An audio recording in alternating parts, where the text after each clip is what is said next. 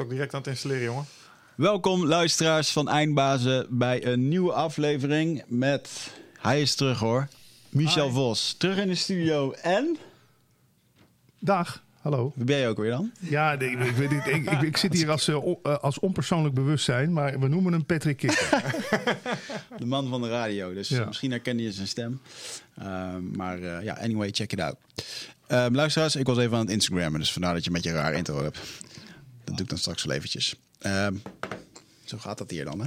Zo mag dat gaan. Lekker soepel, lekker losjes. Hey jongens, welkom bij een nieuwe uitzending. Patrick, we kikken vandaag in de studio. Ehm, je was zo'n keertje eerder bij ons geweest. Toen zaten we in een oud pand waar eh, muizen over de vloer eh, heen liepen in Deventer. Ja, En eh, eh, ja, jij bent toch wel een van de podcast koningen van Nederland. Dus eh, ja, leuk dat je er weer bij bent. ja leuk om hier te- op jullie nieuwe locatie te zijn. Ja, Apkoude, En, is dat bekend?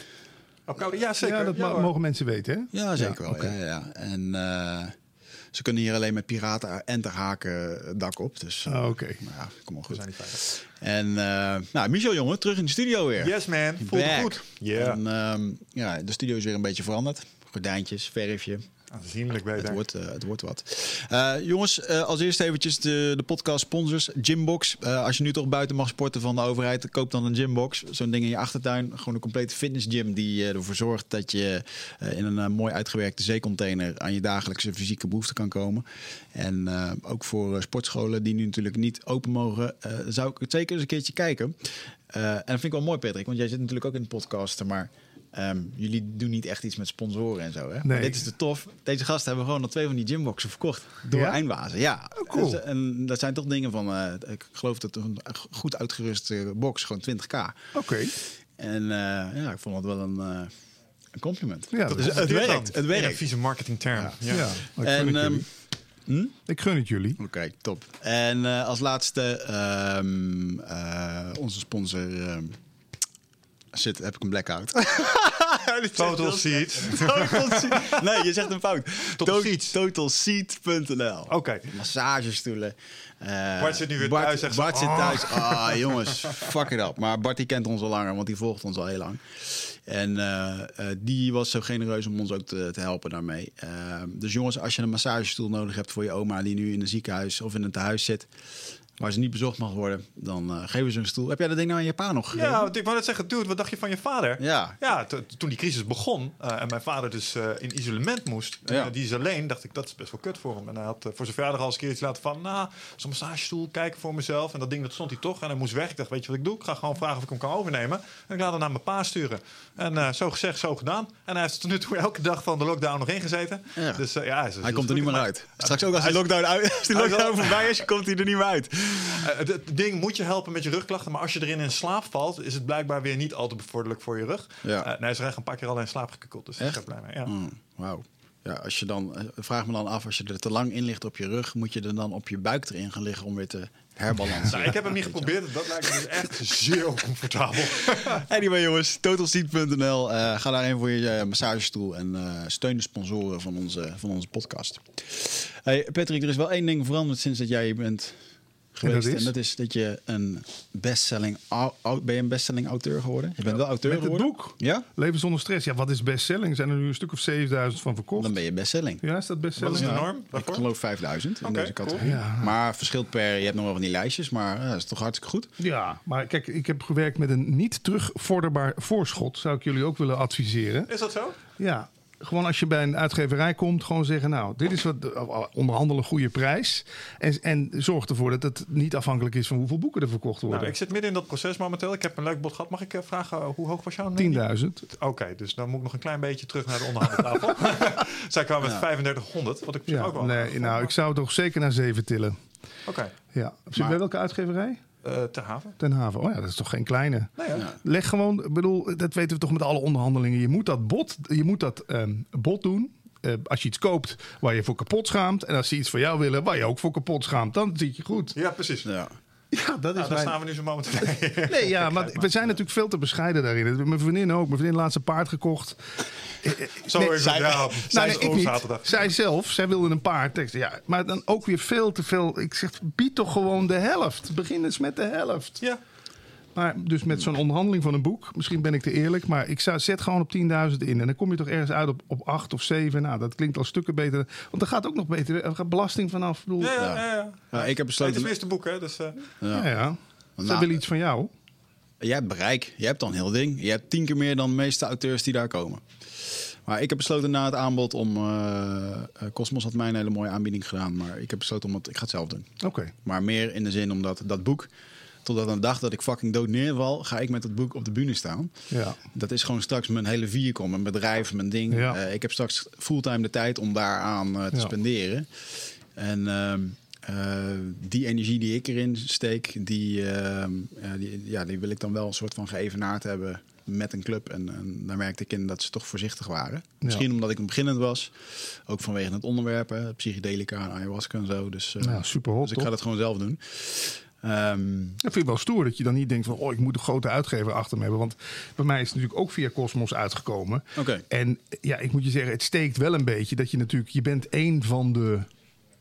100 boeken, nou, misschien nog wel meer die ze per jaar uitbrengen. Dus de aandacht die het boek krijgt is kort. Ja. Je moet er zelf ook alles aan doen, alles op alles zetten. Omdat ik had gelukkig in de media wat connecties.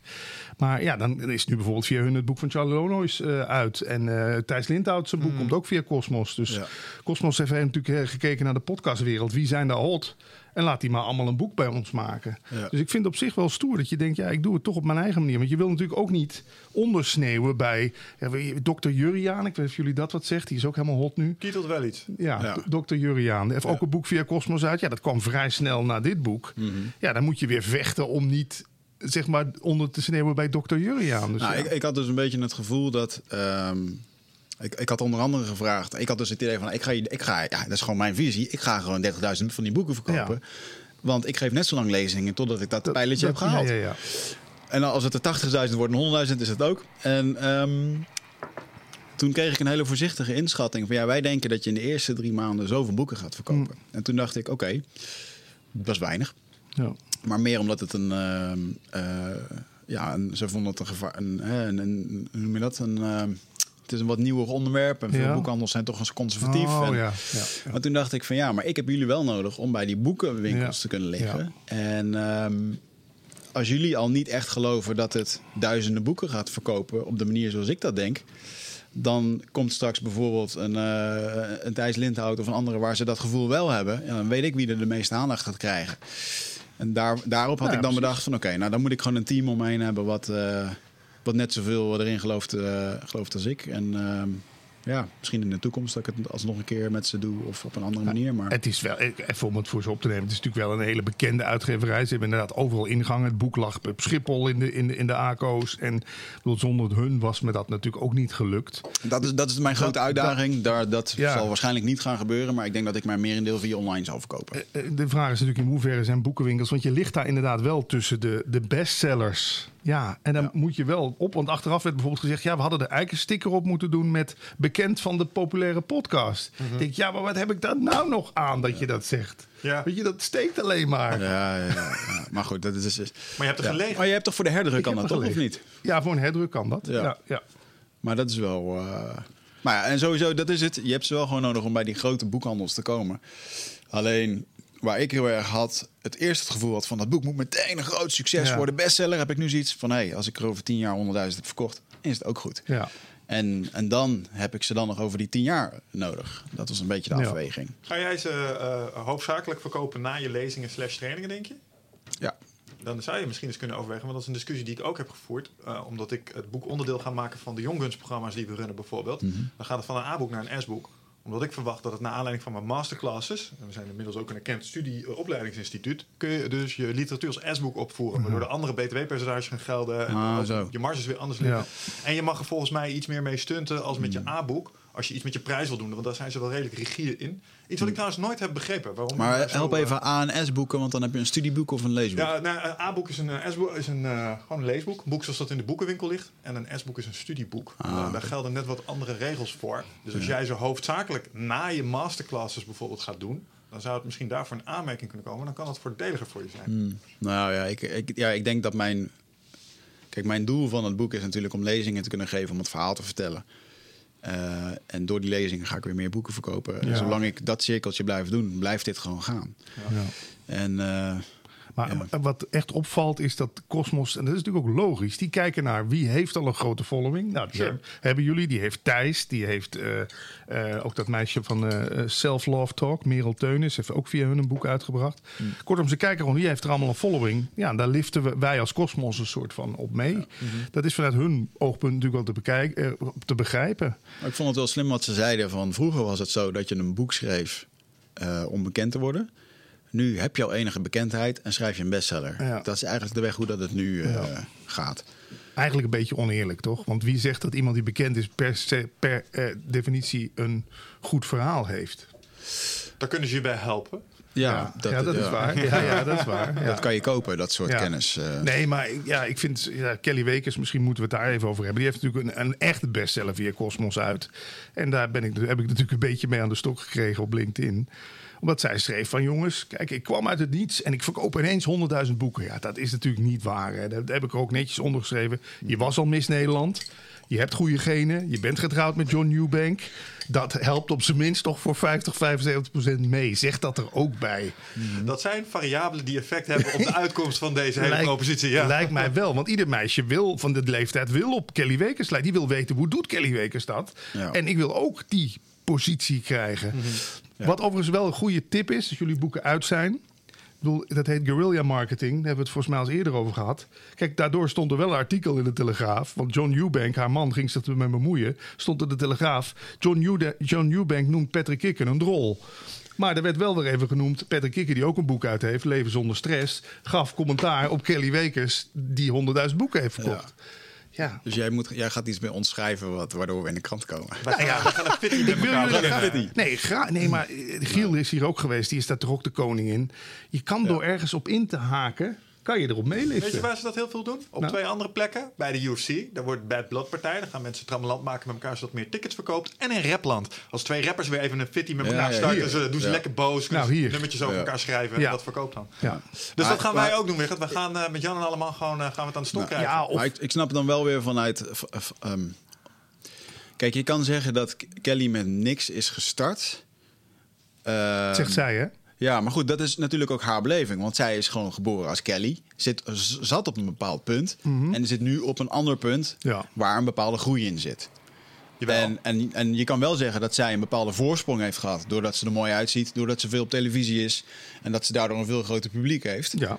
Eh, waardoor het suc- sneller succesvoller is. Ja, en groter succesvol wordt. Ja. Neemt, Alleen eh, vraag ik me wel af van ja, ehm, maar er moet ook wel kwaliteit geleverd worden. Want Mhm. anders dan. Eh, want dit ging volgens mij over een nieuw boek wat goed verkocht. Dus schijnbaar is het eerste boek dan een succes geweest. En Nee, het ging over die eerste, die, die live, die live hacks. Die, Mhm. Dat eerste inderdaad. Maar ik, kijk, ik ben met je eens dat dat- natuurlijk heeft ze keihard moeten werken. Dat, dat ontken ik ook niet. Maar ik vind het zo gemeen om steeds tegen andere vrouwen van die leeftijd te zeggen... Kijk, het is mij gelukt. Als het jou niet lukt, is het jouw eigen schuld. Nee. De gunfactor, het geluk dat je er goed uitziet, waar je geboren bent, dat weten we toch ook allemaal. Het is niet allemaal self-made. En dat irriteert me daar dan aan. eh, het moet. ehm, sommige mensen zijn beter verkoopbaar dan anderen. Dat ben ik absoluut Ja, en, en, en je weet ook, hoe, hoe, hangt het niet af van dat iemand jou een keer tipt, zoek eens contact met die, je komt die tegen op een feestje. Ja, Nou ja, dat is net wat we zeggen. Eh, eh, dan mogen we dat zeggen? Wat? Nee, ik zeg het nog niet. Nee. Maar we krijgen een gast in de studio door iemand anders. nou hier. En dat, dat, ja, dat was anders niet gelukt. dat- nee. nee. maar zo Oh, zo. Oh, we Ja. don't want to jinx Nee, it. nee, Ja. Dat wordt nummer 200, toch? Oh, dat je wordt wel- verrassen? ja, Ja, ja, oké, ja, oké. Ja, dat wordt het. Nummer maar. 200, jongens, gaat speciaal worden. Maar fingers crossed, want de, het contract is nog niet getekend. Nee.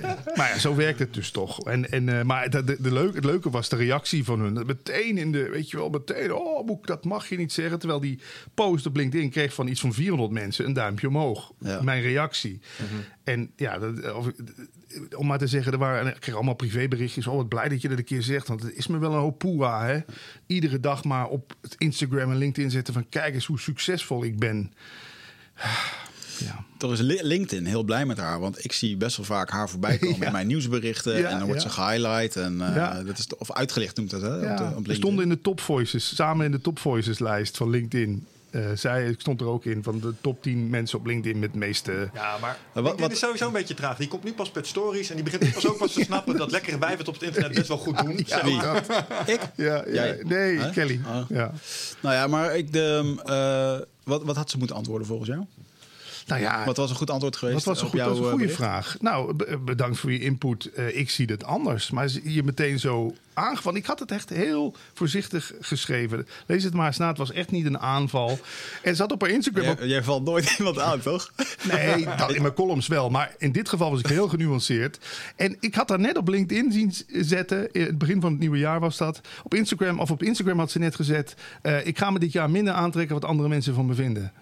Nou, ik hoefde dus maar heel even te krabben. En, en haar man ging het voor de opnemen. En Ik vind eigenlijk dat ze een keertje bij jou in de podcast moet komen. ze is Dat bij Giel geweest al. Ja, ze is van harte welkom. Maar Oké, Kelly, go do that. Ja, of Ga bij jullie. Patrick. bij Kom jullie hier, mag ik ook komen? van- Hartelijk Ja. welkom. Maar het is onmiskenbaar. Je bent wel een beetje een intrigant, want je, je geniet er achteraf ook een beetje van. Want je hebt een reactie Absoluut. gekregen en daar gaat het natuurlijk om.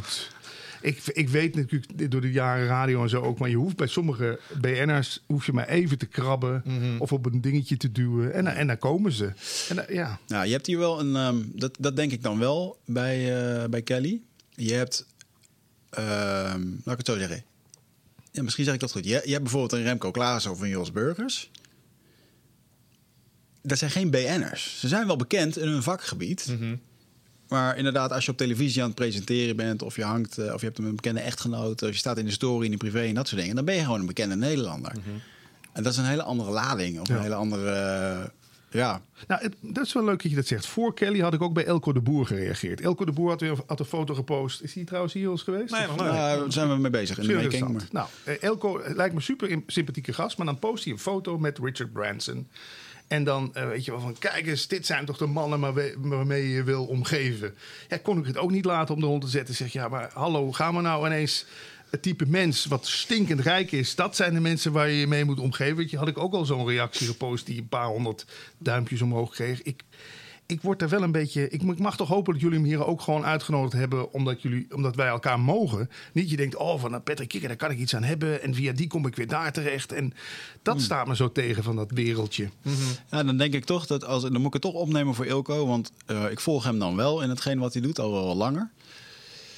En hij is wel gewoon een van die pioniers die naar Amerika gaat en dit soort eh, evenementen afgaat. Of eh 20.000 euro betaalt of 100.000 om in een mastermind te komen. En, en dat is ook hetgeen waar hij een hoop kennis van haalt en wat hij deelt. Dus ik snap wel dat hij, hij deelt daarin wel zijn reis. Dus ik, ja, Ja, maar ik snap de, de irritatie die Patrick wel voelt. Want dat is hetzelfde als eh, bij eh, Kelly in dit geval. Het zit jou op een bepaald gedrag. En dat gedrag is de virtue signal die erachter zit. Dus waar, je, waar jij je aan irriteert is de eigenlijke ondertiteling. Kijk mij eens even met vette mensen. Ik ben beter als jij. Dat Ja. is eigenlijk wat je zegt Ja. op zo'n moment. En je- Zie mij eens cool Ja. wezen. Ja. En, en dat irriteert je. Want, want daarmee drukt hij zichzelf omhoog en jou een klein beetje naar beneden. Absoluut. Hij voelt zich... eh, en, en ik weet niet of dat 100% op zo'n moment aan de voorkant van zijn geest de motivatie om te doen. Want cognitieve dissonantie is een mooi ding. Ehm, maar daar hebben we het ook wel eens over gehad. Wat is de ondertiteling van wat iemand op Instagram of op Ja. LinkedIn zit? Ja, ja, Vaak absoluut. is het, eh, ik heb een reis gemaakt, koop mijn shit. Weet Nee, je wel? Je, je Ehm, post voor eh, twee dingen. Twee, je kan naar een post kijken en dan kan je er twee dingen uitlezen. Post deze eh, om anderen wat te helpen, om anderen iets te leren. Of post hij het voor zijn eigen ego. En ik moet ook eerlijk zeggen, we hebben hier ook af en toe gasten. Ehm, hè, want we gaan staan vaak met z'n twee op de foto. Soms dan vraag ik nog even een extra fotootje. Kon ik even, even met jou op de foto? Want dan vind ik dat ook leuk. Ja. En dan post ik dat ook wel. Ja, toch vind ik dat dan... Statusverhogend. Ja, misschien ergens is het allemaal ego. Maar ehm, als ik naar Amerika ga en ik sta met een of andere bekende ondernemer of, of, of toffe gast die ik inspirerend vind op de foto, dan deel ik dat toch ook. Want ik, ja, ik vind dat ook leuk om te delen. Maar is het ook niet de proxy-autoriteit? Want hoe vaak waarom- ik de foto met David Allen wel niet heb ingezet om mezelf als een betere time management guru neer te zetten. of met Jordan Peterson. Ja. Ja. kijk mij slim zijn. Ik mag met deze lui praten. Dus ik ben ook heel slim. Dat, is wat ik eigenlijk dat, zeg op zo'n dat is toch hetzelfde als dat eh, een Eelco met een, eh, een Branson staat. Ja, ja, maar dat is wel wat je zegt. Dus en, en wat ik probeer te zeggen is dat dat is de ondertiteling die ik eigenlijk geef. Ondanks dat ik in zo'n labtekst iets zeg wat me social brownie points oplevert. En ik denk dat je daar, eh, want je reageert nu twee op dit soort gevallen. Ik denk, ah, dat is volgens mij de overeenkomst. Er zit een, een, een niet helemaal oprechte ondertiteling bij het bericht. dus er wordt dit ja. gezegd en dat bedoel Ja, ik. ja, beetje smerig. Maar ja, goed. Ik, ik ben een soort roepen in de woestijn daarin. En eh, het heeft natuurlijk ook alles met mij te maken. Kijk, ik ben natuurlijk ook niet vies van aandacht. Soms denk ik wel eens van al die mensen die ook om aandacht aan het schreeuwen zijn. Want dat doe ik zelf ook. Ik doe mezelf professioneel aandachttrekker ergens. Eh, dat, dat, dat ik, dat, een stuk van mij walgt er ook van. Gadverdamme, moet je nou weer zo reageren? Je weet, als je op die tweet reageert, komt dat weer in de krant. En het, Dus het kan ook best zijn dat het bij mij iets raakt. Ik denk, och, Het Ben je een beetje afgunstig op de shine die ze pakken? nou, niet afgunstig, maar meer dat het bij mij denkt.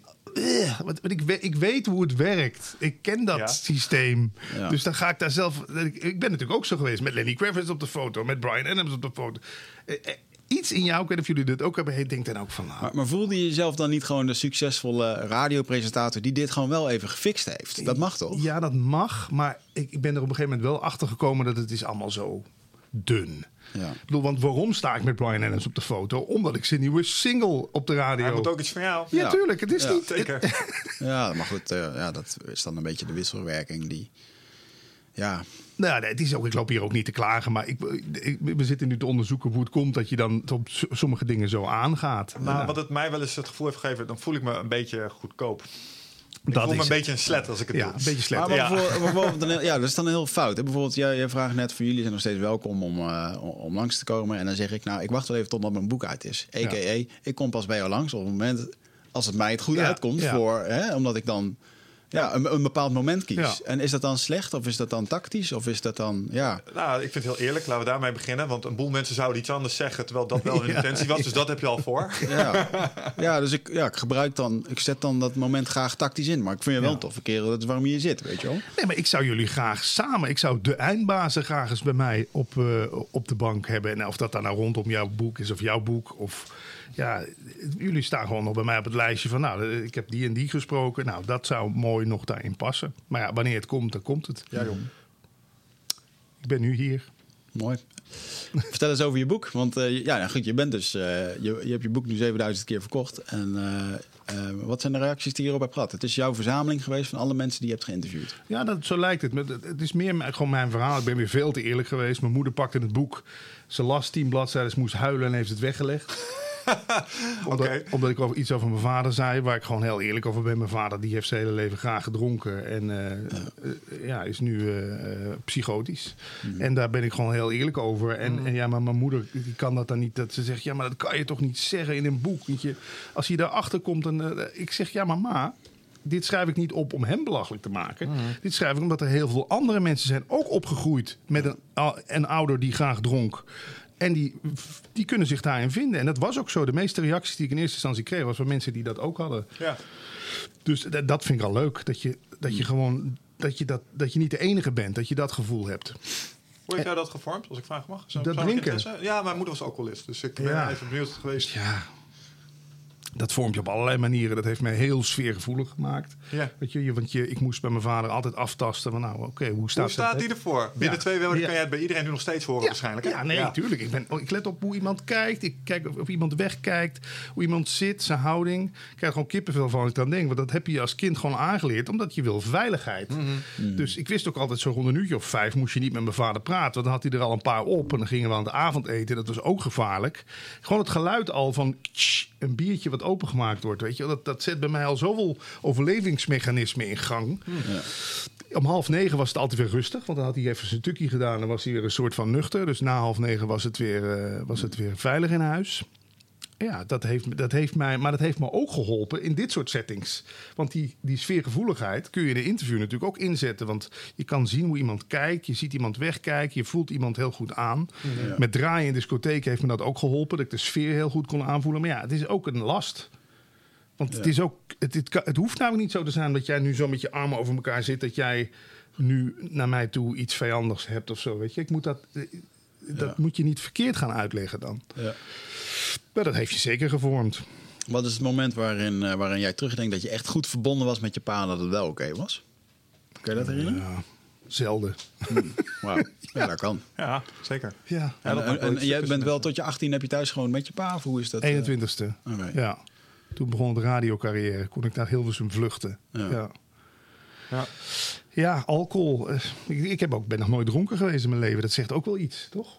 Ik weet niet hoe dat met jou is. Of je alcohol, of je daar een haat-liefde verhouding mee hebt. Mm, ik drink niet meer. Ik heb wel een eh, tijd een whiskyperiode gehad. Vond ik wel lekker. Totdat ik merkte dat whisky heeft ook een bepaalde dronk. En eh, toen zag ik te veel van mijn moeder terug in mezelf. En dacht ik, ah nee, dit is niks voor mij. Ik moet hier wegblijven. Ik heb dezelfde genetische afwijking of zo. Ik, Ja. Mijn moeder werd altijd heel vervelend van. Nare dronk. Zeurderig en zo. Oh, ja, en dat is- cynisch. Ja. Grappig hè, dat als je vijf van je vrienden tien biertjes geeft, zijn ze allemaal verschillend dronken, maar ze hebben altijd dezelfde dronk. Hoe bedoel je? Nou, als je vijf, van ja. jouw vrienden Ja. tien biertjes geeft, Ja. dan worden ze allemaal dronken. Ja. Op een eigen unieke Oh, manier, ja, ja, ja. maar altijd hetzelfde. Weet Ja. je wel? Maar wel verschillend. Ja, En Is dat eh, ja, ik heb van die vrienden, jongen, die altijd aan het vechten. En ja, hij zocht ruzie, dit en dat. Dude, ik heb nog nooit ruzie gehad. En ik, heb, ik zuip iedere week net zoveel als jij, Ja, weet je wel. ja, ja. ja. En dan heb je van die zever, eh, van die nog maar half kunnen kwijlen en praten types. Ah, die om je heen Of, gaan eh. Ja, ja, ja, met en- een en- en huilen. ik, ik ben een type die, eh, die hard doordringt en dan eh, heel druk wordt en dit en dat. En dan om één uur naar huis gaat, omdat hij gewoon klaar mee is, weet je wel. Ja. Dus dan Wicht is kwijt. Of ik ging alleen rondlopen. Ja, waar ben je? Rondjes. We zijn je kwijt. Ja, ik ben gewoon, ga gewoon lopen. Ik ging Ja. op een gegeven moment ging ik met Koninginnedag gewoon maar in mijn eentje, want... Ik vermaak me toch wel. Ja, ja, ik kwam mensen tegen, ging naar groepjes. En ik heb er zo'n hekel aan om dan met 30 man even koppen tellen. Net of je met een kinderklas op school bent. En dan- man met het en vlaggetje. dat heb je ook. Je hebt ook de managers. Eh, mijn ex-vriendin, eh, eh, L noem ik er eventjes. Die was er zo eentje. Die ging weer naar een feest en die wilde iedereen bij elkaar Ja. hebben. Want het was gezellig. Oh, Patrick is weg. Michel zegt, oh irritant hè. Michel de hele tijd weg. We moeten hier is komen. En de hele tijd met dat bezig, weet je wel. maar. Ja. Ja, mooi. Ja, nee, de, de reden dat ik het vroeg is omdat eh, ik, ik moest. Je, je hebt natuurlijk ook wel dingen neergezet in je leven. Bestsellend auteur inmiddels. En we hadden hier een keer hier een gesprek met Joop Kasteel. En die had ook wat vervelende ervaringen in zijn jeugd. Dat was in zijn geval pesten. Maar toen kwamen we halverwege de podcast tot de conclusie dat hij eigenlijk toch niet zonder dat pesten zou willen, nu achteraf. Omdat het hem op een bepaalde manier ook wel een zetje heeft gegeven. En dat herken ik wel vanuit het alcoholisme Ja. van mijn Je moeder. hebt helemaal gelijk. Ja. Dat, eh, mijn vader riep heel vaak tegen: het wordt toch niks met jou. Jij komt toch in de grote recht. In een dronken bui zei hij dat dan. Nou, dan denk ik, ik zal jou eens poepie laten ruiken. Ja. Toen ik bij de radio ging solliciteren, 10 cd's laten maken voor 500 gulden toen nog. Omgerekend nu 250 euro. En toen zei mijn vader ook, wie doet nou zoiets? Wat, wat- weggegooid geld. Nou, pa. Wel bij de landelijke radio terechtgekomen. Dus ik ben met je eens. Als ik een vader had gehad die waarschijnlijk vanaf mijn eerste dag tegen mij had gezegd: Jongen, jij bent fantastisch. Jij hoeft echt, je bent al compleet in zichzelf. Je hoeft niks te presteren. Zolang jij maar bij me bent, ben je al. Ja, misschien dat ik dan wel gedacht had: Nou, Ja. Komt goed. ja, hoeft nergens. Dus nee, tuurlijk. eh, eh, Alexander Smit, zo'n beroemde non-dualiteitleraar, heeft wel eens gezegd: in het lelijke zit het mooie al opgesloten. En dit is daar zo'n voorbeeld van. Het heeft niks in de wereld heeft natuurlijk maar één kant. Dus dit was inderdaad een hele vervelende periode en een vervelende kant, maar het heeft me wel. Maar ja, het heeft me daarna ook wel weer een burn-out ingejaagd. Dus Ja. Heb jij eentje een paar kunnen vergeven? Jawel. Ja, Ja, ook ik- wel vanuit het non-dualistische perspectief? Nou, en ik ben gesprekken bij mijn oma gaan voeren. Hij is gewoon zelf opgegroeid, net na de oorlog, in een hele onrustige omgeving. Als jongste kind van vier in een huwelijk, wat echt een verstandshuwelijk was tussen mijn opa en oma. Eh, Ik ben gewoon helemaal onderzoek gaan doen van, ik weet niet of jij dat ook wel eens met je moeder gedaan hebt. Wa- waarom is mijn vader zo Ja, ja, drinken? 100%. Ja, nee, dat kan ik terugleiden. En eh, ik, ik dacht altijd, vooral in mijn eh, acht, want ik zat ook in die periodes tussen de 15 en mijn 20ste was het echt super actueel. Toen was het knokken thuis, want ik zat ook in die fase als man dat je een eigen mening begint te hebben. En ik merkte dat ik wel goed uit mijn woorden kon komen. En dan kreeg ik alsnog niet mijn moeder een bepaald gedachtpatroon ingedrukt waarvan voor mij super duidelijk was: ja, maar dit is toch de weg om te gaan. Je moet die fles laten staan. En dat was pas op veel latere leeftijd in een ceremonie waar Wigert mij mee naartoe heeft genomen. Dat, ik, dat mij de les is geleerd. Ja, maar dacht je dat zij het voor het kiezen had? Snap je? Het overkwam haar ook, maat, Ja, weet je wel. En zo voelde dat. Ja, dat vind ik wel heel mooi, want jij bent bang voor ayahuasca, maar dit is heeft wel wat het hem heeft gegeven. Ja, nee, ja, klopt. Ik ben super scheiterig voor ayahuasca. Gelukkig is het verboden, Ja. toch? Waarom ben je scheid- Waarom ben je bang voor? Ja, nee, dat, dat maakt inderdaad uit. Nee, dat maakt voor mij Maar uit. Willis is een weg, eh, Patrick. Nee, dat is waar. Maar het zat bij mij in Vinkenveen zat Maria Johanna dat te doen. Hè. Dus ik, hoefde, ik kon er op de fiets naartoe. Ze heeft me vaker uitgenodigd. Maar Ja. ja. waarom ik scheiterig daarvoor ben? Omdat ik heel verslavingsgevoelig ben. en ik sprak iemand die ook zei dat je ook zelfs aan ayahuasca verslaafd kan raken. Ja, Is- is niet nee. zo? Em- emo- ik ben ook emotioneel verslaafd eraan geraakt. Dat ik eh, merkte dat iedere keer als ik het deed in tijden van een burn-out, voelde ik me goed. Er was altijd lichtliefde, regenbogen en unicorns. Maar later appte dat weer weg. En dan bij het minste gingste ging ik dat weer doen. En op een gegeven moment heeft zelfs het ayahuasca mijn flap op mijn oren gegeven. Ja?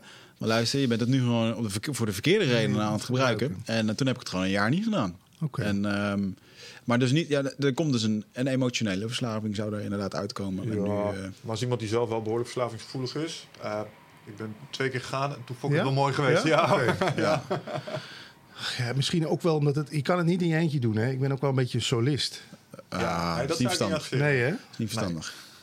Maar, Maar- ik, eh, ik zal jou in op, ik zal jou op het lijstje zetten voor, eh, Voor? voor dit soort gevallen. Of- of- En, eh, als we het nog een keer gaan doen als, het, als het ooit een keertje een gelegenheid komt, dan er zijn wel wat meer mensen die het in een klein gezelschap willen Oh, doen. zo. Oké, ja, dat is goed. eh, ja. Kunnen we gewoon heel met Ja. BN in Nederland daarheen. Maar dat lijstje, dat komt nog wel. eh, ik zal je er ieder geval opzetten. Maar voorlopig eh, reist er geen, geen shamaan heen en weer. Dus, eh, maar je moet het daar echt even doen met iemand. Ik vind het super interessant. Mijn vriendin heeft het ook een paar keer gedaan. Ik heb ook gezien wat het voor haar gedaan heeft. Er Ah. zit ook alles op Netflix te kijken wat maar met shamanen te maken heeft. Ja. En, en het, het, het, het intrigeert wel. Ja, Ja. Mooi. Ja, Leuk. 100%. Hey, en- Nou, wat misschien nog wel kan hebben, we zitten hier binnenkort met Joost Breeksma van Stichting Open. En eh, dat is een, eh, een instituut dat eh, de medische en psychologische toepassingen van psychedelica onderzoekt.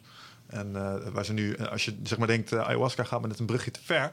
Eh, iets als eh microdoseren met eh, truffels bijvoorbeeld. Oh ja. Zo, dus, als je een beetje lijkt op mij, dan vind je misschien tussenstapjes wel fijn. Ja. Je hebt van die mensen die gaan meteen bolten. Nee, ik doe het meteen, Ja, nog ja. meteen het heftigste. En dan heb ik Ja. het gehad. Zo heb ik wel eens een paar van die mariniers horen praten, want die zijn zo. En ik vind het fijn. Nou, weet je wat zo is? Is een jointje proberen. En als dat werkt, zullen we dan eens een keer een koekje eten. En als dat werkt, zullen we dan eens een keer truffels doen. Ja, ja. En als dat goed gaat, misschien ayahuasca. Opbouwen. En, en er komt hier nog iemand een keertje in de studio. Die is van een bedrijf Synthesis. Een vriend van mij, Martijn. Echt heel bijzonder. Die is in, eh, in Haarlem ehm, een bedrijf aan het opstarten eh, voor therapeutisch werken met van die shrooms. En dan heb je dus in één keer een volledig wetenschappelijk team. De- joh, Daar gaat echt met investeerders en alles gaat erin. Die hebben nu, z- ik geloof 700 mensen hebben ze wereldwijd hebben ze behandeld. En daar ga je dus drie dagen lang echt met een therapeut die er helemaal in begeleidt. Alleen dan zijn het dan van die psilocybin. En dit gaat ehm, het gaat zo groot worden. Er zijn heel veel, zelfs de directeur van PayPal, die is hier heftig aan het investeren. Omdat ze weten dat dit in Amerika een miljardenmarkt gaat worden. omdat het zoveel oplost voor, eh, voor die 20.000 mensen die zelfmoord plegen per dag. In, eh, Zoveel? Nee, eh, volgens mij 2000 mensen per dag in Amerika. Oh. Ben je bekend met Paul Er zijn meer mensen. Wie? Paul Stamets? Nee? Dat is een meneer die is eh, behoorlijk bekend geworden omdat hij helemaal die psychedelische, nee, niet zozeer die psychedelische hoek, maar die zit helemaal in de paddenstoelenkant. Die heeft een eh, hele mooie verhandeling gedaan over het mycelium network. Echt- dat, is eigenlijk het schimmelnetwerk waarmee alles met elkaar in verbinding staat. En die doet ook allerlei eh microdoseerprotocolletjes, omdat eh, die eh, bestandsdelen, bijvoorbeeld die in Lion's Mane, hebben hier ook staan, of Cordyceps, ehm, doen aan ja, neurogenesis. Met andere woorden, die helpen stukjes hersenen te herstellen. Eh, als jij bijvoorbeeld een verslaving hebt, eh, dan zijn, het kan soms ook zijn omdat bepaalde kortsluitingen ontstaan of bepaalde verbindingen gewoon eh, ondergeschikt zijn aan veel grotere patronen. En het kan- heel erg helpen met op dat manier ook ja, gedrag weer opnieuw afleren of aanleren. En vooral mensen met eh, PTSD-achtige klachten helpt het echt ontzettend. Dus alles wat een beetje stressvol, traumatisch Ja. is, Ja. kan op die manier worden getackled. En daarmee worden weer een heleboel verslavingen eh uitgeschakeld. Want ja, als je terugkijkt naar wat is de bron van de meeste verslavingen, ja, dat is waarschijnlijk een van de trauma dat wordt toegedekt. Ja. Ik lees hier 40.000 eh, zelfmoorden per, eh, per jaar. Dus er zijn sowieso meer mensen. eh, in tijden van oorlog in Amerika zijn er meer mensen die zelfmoord plegen door hun PTSD. dan dat er mensen zijn die omgekomen zijn tijdens die oorlog. Ja, Nou, happy. eh, there we go. en die krijgen gewoon allemaal medicijnen en bullshit toegestuurd, hele cocktails. ehm, waardoor het gewoon verdooft en het nog erger wordt. Terwijl dit soort dingen echt naar de kern gaan. Ja. Ik, eh, nou goed, ik ben weer een promopraatje aan het houden. Ja. Je bent fan, hè? Ehm, ja. Ehm, hoe kwamen we hierop? Eh, We hebben het Alcoholisme. zijsprong van uit Oh ja, alcoholisme we hadden het over boeken en dat je er zo gruwelijk eerlijk in was. Dus misschien Ja. een beetje te eerlijk. Ben ik nog steeds. Ik, weet je, ik, ik, op een gegeven moment, ik weet niet of jullie dat punt herkennen, of jullie daar ook al zijn, dat je op een gegeven moment denkt, ja fuck it, ik vertel ook gewoon alles. Ja. Als, die, als iemand daar dan problemen mee heeft, ja, dat is zijn ding. Werkt dat ook niet therapeutisch voor je? Ja, nee, tuurlijk. Dat is, dat is de- de- de- in de vorm zetten. Weet je, je hebt mensen die gaan eh, duizend uur hakken voor een beeldhouwwerk. Maar ja, ik heb iets met taal. Dus of ik schrijf een column, of ik maak een podcast, of ik schrijf een boek. En eh, ja, inderdaad, je zet, je, het gaat uit je systeem. Hè. Het komt in een vorm terecht. Het is een soort Catharsis bijna. ja, en het staat. En, maar ik heb het zelf ook nog niet teruggelezen. Ik krijg wel dan zo reacties van familie en zo. Want tante had het dan weer in de bibliotheek gevonden. Dat is dus zus van mijn vader. Ja, natuurlijk slaat de schrik je dan een beetje om het hart. Dat je denkt, oh jee, daar wordt toch een familieveten ook. Maar gelukkig heeft die tante de mond gehouden. Dus, eh, Grappig is dat, hè? Ja. Terwijl, ja, ik, ik vind het ook moeilijk, want ik zet met hetzelfde soort dingen die ik erin beschrijf.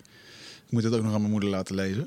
Eh, En moet dat werkelijk? Dat vraag ik me dus af. Ja, vind ik wel. Ja? ehm, ik schrijf er, ik bedoel, het is, alleen maar, het, is, het is alleen maar positiviteit. Want wat ik schrijf is gewoon hoe ik het op dat moment heb Ervaren, ervaren. ja. En eh, wat eruit is gekomen, eh, wat het mij heeft gebracht. Ja. En, en, maar er wordt wel in beschreven dat ik, eh, dat ik me niet gezien voelde thuis. Ja. Omdat ik een, eh, een broertje had dat schizofreen was Ja. en alle aandacht Ja. trok. Ja, dat is Ja. best wel. Ik denk als mijn dochter dat later schrijft, dat ik ook denk: ja, fuck. Eh, ga je, Ja. Maar dan dat schuldgevoel wat er dan ontstaat, dat is niet mijn werk. Nee. Ja, dat is dan wel heel eh, lastig soms te begrijpen. Maar Het is geen verwijt naar hun Nee. adres. Dat heb ik ook aan mijn moeder zo uitgelegd. Maar ja, zij komen uit een wereld natuurlijk waarin alles... ont- Ik weet niet of jullie ouders ook zo waren... maar ik kom uit een katholiek nest. Alles wordt onder het tapijt geveegd. ja. Als er ruzie was, was het niet van... we gaan dit oplossen. Nee, shh, de buren. Het raam staat open. Shh. Ja, dat is heel giftig. Alles. En dan, dan krijg je als tegenreactie een zoon... die gewoon alles op straat gaat flikkeren. Weet Wat je wel? grappig. Als, Ja. ik, als ik mot heb met mijn vriendin, doe ik nog steeds de ramen dicht. Ja. Gewoon omdat ik niet wil, dat gaat niemand wat aan. Ja, dat, nee, dat is van dat- ons, ja, weet je maar wel. dat is aangeleerd. Niet zo hard, hey, dat Ja, niet de ja, hele buurt dat, horen. dat, ja. snap, dat snap ik wel, maar er zijn ook inderdaad waar gewoon niet gesproken wordt. En dan eh, een van mijn favoriete dingen die ik altijd dan zeg op lezingen... is dat een depressie ontstaat eh, door jezelf niet te kunnen uiten. Door, en het tegenovergestelde is expressie. Ja. Dus het feit dat jij het nu op straat Ja, gooit... betekent dat je het ontlaat uit je systeem. Absoluut. Anders was ik net zoals mijn vader terechtgekomen. Dat gaat me niet gebeuren. En, eh, en een keertje flink ruzie maken en gillen is ook een vorm van expressie. En lucht wel op. In plaats van met die boosheid naar je werk gaan en er niet meer over praten. En dan over twintig jaar kanker krijgen. Ja, sorry als ik dit zo zeg, jongens. Maar ik denk dan dat dat met elkaar verbonden kan zijn. Volgens mij zijn er ook aanwijzingen voor dat eh, te veel ja. stress eh, niet helpt daarbij. En ehm, ik vind, eh, mensen zouden zich meer moeten uiten. Als je niet gelukkig bent in je werk, je mag niet je passies uitoefenen of je mag niet ergens over spreken. Dan word je mond doodgemaakt, kan je jezelf niet uiten, dan wordt het ook een ellende. Maar, maar even polletjes als mannen onderling. Als jullie gedoe hebben, praten jullie dan met stemverf? Met wie? Stem Met je vriendin bijvoorbeeld? Als je ruzie met Marik, ga je dan wel eens... eh, eh, Word je Ja. wel eens zo? Ja, en daar word ik dan op aangesproken. Ja. Heb jij dat ook? Ja, ook wel, ja. Eh, En, en, want ik heb het ook en ik kan ook heel boos worden. Maar ik heb ook wel eens een podcast zitten luisteren van twee mensen. Dat was een toevallig een stelletje. Die zei, ja, wij, wij, wij doen niet aan relatietheater. Wij, eh, wij praten alles heel rustig. Ik denk, wat knap man. En elke Ja. keer als ik weer eens uit de bocht vlieg... dan denk ik dan denk ik, jezus, wat ben ik toch Ja. van prutser. Maar Ik heb daar iets moois over geleerd van Jan van Delden. Dat is de man die ik het meeste geïnterviewd heb in mijn leven. Was Ja. ik er tien keer. Die zegt, als je ruzie hebt, moet één van de twee even dit doen. Even voor de podcastluisteraars. Je doet je, ham, eh, je hand achter je hoofd. alsof je een toy maakt. En je doet even een raar gebaar. Waarmee je zegt van, joh, De apen aan het praten. Ja, we zitten hier nu gewoon wel te bekvechten. Maar hier achter, achter, achterin, ik hou nog steeds van je hoor. Weet je wel, maar dit moet blijkbaar even gezegd worden. Ja. En, dan, en dat schijnt, ja, het ziet er heel belachelijk uit. Maar het geeft wel een soort ontlading van: oké, laat dit spelletje zich maar even uitvechten. Er is gewoon nog liefde. Er, je hoeft niet bang te zijn. Ja. Dit moet gewoon even uitgespeeld worden. Ja, de term die mij wel bezig was relatietheater. Blijkbaar Ja, zijn ja, er toneelstukjes die je even moet ja, met elkaar. En die Ja. voer je vaker op. Ja. Maar je moet ze wel even doen. En als je erin ziet, zie je ook, oh, we zijn Ja. hier weer. Ja. Weet je wel? Wij, wij noemen dat thuis het roze olifant. Dat als er een keer wat gezegd wordt en de ander die slaat in één keer zo, dan voel je, voel je de energie veranderen. Ja, ja, ja. Maar dan wil je het er eigenlijk niet over hebben. En dan zeggen we altijd, oh, er staat een roze olifant in de kamer. En dan kunnen we er altijd om lachen en dan kunnen we het gewoon vertellen. Dan is al ontspanning. Eh, maar wat dat jij zegt van eh, als er dan een keertje, hé hey, eh, Michel, heb je dit of dat gedaan? Nee, nee, nee, heb ik niet gedaan. En dat verheffen is eigenlijk een soort, het is gewoon een verdedigingsmechanisme. Ja, je voelt je in de nauw gedreven Ja. of, of je probeert te verdedigen. En, en daardoor maak je een spastische beweging. Dus ik, ik had bijvoorbeeld laatst een keertje dat ik zei, nee, heb ik helemaal niet gedaan. Terwijl, ik had het wel gedaan. Maar gewoon uit een soort, weet ik veel waarom ik nee zei. Het was gewoon spasme, weet je wel. Ja. En dan, dan hebben we daar ruzie over. Ja, dan sta je ook nog te liegen. Nee, Ja. ja, ja, nee, ja, nee. Weet je? Maar dat is gewoon wat er dan gebeurt in een moment. En, ehm, wel even interessant. Hey Patrick, even terug naar je boek, want ik had een, eh, ik had een aantal vragen. Oh. Ehm, een van de eerste dingen was, en dat zal iedereen die misschien eh, de afgelopen periode heel spannend heeft gevonden aanspreken. Waarom is het zo dat als je wil leven zonder stress, dat je waarschijnlijk eerst even een dieptepunt moet aanraken? Dat je van crisis hè, naar, Mhm. naar een nieuw begin kunt bewegen. Waarom hebben we dat nodig? Waarom kunnen we dat Ja. vanuit een neutrale positie? Waarom moet het altijd eerst in de min? Ja, zonder crisis geen ontwaken, wordt er dan gezegd. Hè? Ja, het simpele voorbeeld vind ik toch dat liedje van de dijk. Eh, een man weet pas wat hij mist als ze er niet is. Ik bedoel, als we het dan naar de liefde trekken. Haha. Ja. Eh, op het moment dat, ik, dat ze mijn appjes niet meer beantwoordt, weet je, dan voel ik wel van, oh fuck, oh fuck, weet je, er is iets aan de hand. En daardoor zal ik misschien een volgende keer wel opletten voordat ik weer zo inderdaad zo bot uit de hoek schiet of, haar van alles verwijt. Dus ja, ik, Paul, Paul Smit is hier natuurlijk ook geweest. Die zegt ook zonder pijn leren we niet. Hij, zegt eh, dat dat gewoon echt een, een leermechanisme is. Dat pijn Oh, dat doet zeer, weet je wel, wat jij nu tegen me zegt. Oh, of eh, fuck, ik ben ontslagen. Ah, weet je wel, ja, nou ja, het was wel even nodig. Want je was daarvoor blijkbaar echt een arrogant figuur... wat door het pand liep te paraderen als een soort haan... alsof hij alles beter wist. Ja. ja dat jij moest even... Maar, maar dat zijn kleine escalaties. Wat ik bedoel is, als je echt levensver, eh, hè, echt een Ja. nieuw begin, levensveranderende wijzigingen, Ja. moet je altijd eerst even zo diep zijn gegaan als je nog nooit geweest Ja. bent. Even denken dat je doodgaat, Ja. bij wijze van spreken. Ja, nou ja, een soort eh, ego-crash, denk ik toch.